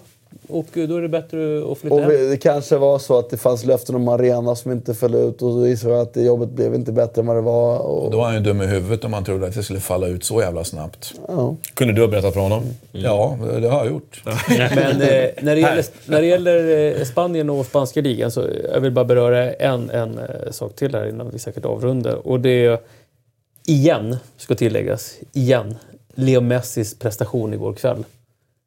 Helt Det här är helt sjuk. sinnessjuk. Eh, och sista målet han Sista gör, målet är eh, galet. när han bara smeker över en målvakt på 1,88 nästan. härlig. Eh, Ja. det, man, Skönt man, inse stolpen efter det också. Ja. Nej, men man blir så bort, vi blir så bortskämda med, med, med eh, de här prestationerna. Och sen när han går ner sig och gör liksom, vad vi tycker är Oj, vad mellanmjölksprestationer. Barcelona måste nu, med tanke på att eh, under hela hans karriär så har han ju varit ganska förskonad för skador. Men så har han haft lite problem här nu med lår och så här. Oj, vad Barcelona måste nu eh, sitta och jobba med att så här, nu måste vi behandla honom rätt här nu inför Champions. League. Men vadå, sen han la om kosten har han ju knappt varit skadad. Han var ju skadad ett tag. Säga det, han har, han väl inga skadeproblem nu? Eller? det var väl fint några månader sedan var han ju... Han är i jävligt bra form också. Det är ju de... Alltså jag, jag hatar att säga det, men fan folk måste sluta att kritisera Suarez. Suarez är inte lika bra som Suarez var. Men Suarez är fortfarande den enda spelaren som fortfarande... Den nytta han gör. Jag menar, är monumental. Är är det monumental. så mycket kritik mot Suarez då? Ja, det är det. Ja, Fan, men det är varenda jävla grej man pratar med så folk. Suarez är inte bra nog, Barcelona måste byta. Jag bara, Senast här i, i onsdags pratade jag med Bojan. Bojan pratade om att Coutinho spelar så Jag bara, nej men Suarez är unik. Alltså, vi måste säga, om Suarez situationer igår. Han är ju långt ifrån lika snabb som han är. Men Och han lika liksom- skarp är han inte heller. Men han är mycket smartare. Alltså, han kommer ju fortfarande till lägena. Ja, och då målet behöver han bara vara tillräckligt... alltså. Målet är fantastiskt. Klacken till Messis ena mål. Ja. Nej, Han är, Ingen jävla Lewandowski. Men, Nej. och sen finns det... en, eh, Jag vill det har aldrig varit. Lewandowski har aldrig varit Lewandowski i Barcelona. Nej, nej, ja, men jag vill lägga till en annan sån här taktisk aspekt på den här matchen som vi, om vi liksom ändå pratar Barcelona och ska liksom lyfta upp Valverde någonstans. Vi, ett Real Betis med tre liksom, och så fyra stycken, en box på innermittfältet. Valverde valde att spela med fyra centrerade innermittfältare. Rakitic, Vidal, Artur och Busquets för att kunna kväva dem och på så sätt eh, eh, frigöra Messi och Suarez eh, uppåt. Jättebra taktisk eh, match av, av Valverde. Sen har vi Kiki Setien som lider egentligen av samma syndrom som eh, Sarri. Eh, jättebra fotbolls, eh, fotboll fram till sista tredjedelen, inte tillräckligt konkreta. Eh, men, men det var lite som de sa igår efter matchen att eh, eh, i en vanlig fotbollsmatch så kanske man kan få med sig en poäng, kanske till och med vinner en sån här match. Men sen har motståndarna Leo Messi. Så det, det går liksom inte att göra något. Jag vill bara säga att jag, jag eh, det är mer förlåtande att Kiese inte får till El Sarri på nu. För det är inte lika. Den här truppen är ju... Så det, jag tycker han gör jävligt bra jobb med den truppen. Eh, faktiskt ändå. Men jag, och jag håller inte helt med om att Valverde gjorde en bra... Alltså, jag, jag tycker... Jag håller med om att, att en uppställning med fyra man var bra när de skulle spelas ur pressen. Mm. Den höga pressen Real Betis sätter in, så fungerade det bra. Men jag sitter ändå i den här matchen och bara... Fuck, ta bort den där jävla tränaren. Jag tycker de spelar erbarmlig fotboll, Barcelona. Mm. Sitter med 45%, 46% bollen har mot Real Betis borta. Det är, det är inte... Det är ett hån egentligen mot truppen. Ja, det är, ett alltså, hån. Till, det, det är verkligen ett hån till, mot truppen, det är ett hån mot kulturen. Mm. Vad ska du ha då? Pep tillbaka? Pep, ja. Sarri, vem som helst. Jag tycker det finns mängder av bra tränare. Arteta. Som skulle kunna fylla en roll där. Och jag, jag, jag tycker inte Valverde är en bra taktisk tränare. Jag tycker inte han är en bra matchcoach. Eh, jag tycker inte att han är... Jag tycker en, en, en, eh, extremt bra. Men det är en bra tränare, det är en bra ledare. Det är, alltså, han, får ut in, han får ut bra av truppen. De har vunnit ligatitlar. Men jag säger också, vilket jag sagt här tidigare, det här är den bästa trupp Barcelona haft under hela min eh, aktiva följande Barcelona. Det är 30 år. Då pratar jag inte topp 1 till 11, för den har varit bättre. Men det här är 18 spelare som är så jävla bra. Jag tycker att det, det måste vara ett lag som spelar bättre fotboll än den här. Det är ju, om man vänder på det då, det är ju Messis prestationer som sminkar över ett, ett spel som inte alls är vad det borde vara. Jag håller med dig helt och hållet faktiskt. Eh, att Valverde räddas till stora delar av, av, av eh, av uh, Leo Messi. Ja, men så, ja, så, ja. så, är det ju. Så jag tycker Barcelona med den kulturen, den, den bakgrunden som finns i klubben så måste man ju...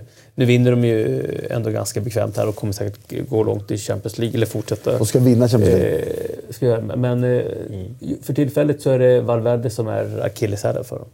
Ja. Och jag bara säga att, att, att, att ähm, det är säkert så att en, en del av Messis prestationer beror på att Valverde är bra ledare eller gör något annat bra med honom. Som inte mm. vi ser. Men när man tittar på hur de spelar, eh, hur han har coachat i avgörande moment så, och, och, den truppen han har till förfogande så finns det ingen annat lag i världen som har lika bra trupp som Barcelona. Och jag, hoppas, det alltså, jag hoppas att de vinner ligan och vinner eh, Champions League. Då tycker jag han har gjort en bra sak. För det kan man, då kan jag komma med min kritik om att spelet inte är Barcelona-eskt. Men har han vunnit så är det svårare. Nej, det är det inte. Det är det inte. Jag sa i början att vi eh, skulle ta upp en tittarfråga. Jag tror att det blinkade förbi en av dem. Eh, får se om den är jättelång. Ja, det var en VAR-fråga. Herregud. Mm. Eh, Pandoras ask igen. Eh, Henriksson, hej. Kan ni ta upp och resonera om VAR i FA-cupen blir väldigt skev bedömning när det får användas på pelarenorna eh, men inte på de lägre divisionernas arena. Se Citys offside-mål mot Ja, det där blir en stor diskussion. Alltså, är det kör man VAR så kör man ju VAR. Nej, det, det, det är arenorna. Alltså, I FA-cupen så har de VAR men inte på, på matcher som spelas på division. Det är ju hål i huvudet. Det är ett obegripligt beslut och det blev ju väldigt aktuellt i helgen här med mm. den här eh, matchen de inte, De hade inte räknat med att ha lag som har samturneringen. typ inte liksom. Det är lite Premier League-blinda In, Intressant att så här, på så hög nivå med så mycket pengar så finns det fortfarande såna här sprickor i liksom, system och hur man ja, gör upp turneringar. Och... Men det är... Eh, ja, nej, det var ju det är märkligt. Egentligen känner man ju att sådär, det är samma sak som andra turneringar man har haft i vissa senare omgångar av VAR kommit in och sådär. Kör hela vägen. Det ska vara lika hela vägen tycker jag om det ska vara med. Jag tycker för inte att det behöver vara så här, att, att VAR kommer in sent. VAR är inte en, det är ingen förändring av reglerna trots allt. Jag, tycker inte, jag håller inte helt med där. Men att, jag håller däremot helt med om att det är extremt märkligt att inte ta den kostnaden och få en, en uh, jämn fördelning. För det blir också då, som någon av er sa... Ja, exakt. Men det blir också någon som någon sa, det blir nästan en att pissa på en Champions League-klubb i ansiktet. Ni är inte värda det. Alltså, och det tycker jag är dåligt. Det var återigen, såg jag, sneglade lite på Eibars match. Där det var en VAR-situation, mm. en straff. Och det tog eh, ja, fem minuter kanske. Mm. Och det var, eh, skulle vara straff eller inte. Eh, återigen, att där måste de... Serie A blev ju bättre på det förra Kan man inte få de någon, någon av våra tittare kan väl ta Det finns ju undersökningar med effektiva speltiden. Jag har själv inte läst det, men eh, vad, de som har läst det säger ju att den effektiva speltiden har blivit bättre med VAR än eh, innan VAR. Det var ju även... eh, Di Maria fick göra stämmer. två målgester. Han gjorde... Ja, Men det var ju korrekta Kan beslut. det verkligen stämma? absolut. Alla beslut var rätt. Men det var när han gjorde 3-2-1 målet. När han kommer runt där och vinklar in det bort sig mot, mot Marseille. Rätt snyggt. Så det var jättesnyggt. Men då var det ju ut i publiken och fira och, så här, och sen så vänta i två minuter. Och sen stod han själv i mittcirkeln och gjorde hjärta åt alla håll och kanter där och äntligen var klart. Så, det blir kul för de spelarna han gillar ju att göra mål innan det blev bortdömt korrekt. Så gjorde han ett grymt frisparksmål. Han var väldigt bra igår. Di Maria var grym. Det var ju lite synd att den där jävla Mananda eh, hade en sån här dag som han kan ha. Som visar Ja, han, var i matchen första halvlek. Ja, alltså, men han kan ju faktiskt också ta målen. Mm. Alltså det där han vinklar in från ingen vinkel, det ska ju fan kunna ta tycker Absolut, jag. absolut. Eller göra bättre. Och Som var för även- enkelt. Liksom. Även det första målet då när han... Mbappé. Ja, Han skjuter på ett tillslag. Ja. Det är också lite dåligt gjort. Ja, och, och, så utvisning på det. Och det tristaste av allt är att, en, att eh, Balotelli, är ju- alltså, alltså han måste ju springa minst av alla, på, eller? Alltså jag vill se löpstatistik på honom så tror jag fan han springer mindre än Mandanda i den här matchen. Hade Rashford-tröja under. Ja, det sades ju det i alla fall. Ja, att han hade något Till och för att med ett uteblivet målfirande blir uppmärksammat. När det gäller. Men det han, ju är, önskat han är ju bra däremellan. Han har ju några passningar och grejer. Han spelar bra, jag Ja, och det, är, något- det är något härligt och mäktigt. Hörni, det har varit härligt att snacka fotboll med Barcelona er. säger jag. Barcelona. Eh, vad är favoriten Jag har sagt Juventus hela tiden så jag måste säga det igen. Mm. Jag säger... Eh, Eibar. fan med tung, tungan då. Eh, Getafe. Eh, nej, jag säger eh, Villarreal, eh, Europa League och så säger jag eh, City. I CL. Shit. Ja. Eh, härligt. Tack för den frågan också. Tack för er som har tittat. Vi ses nästa vecka. Hej då. Tack.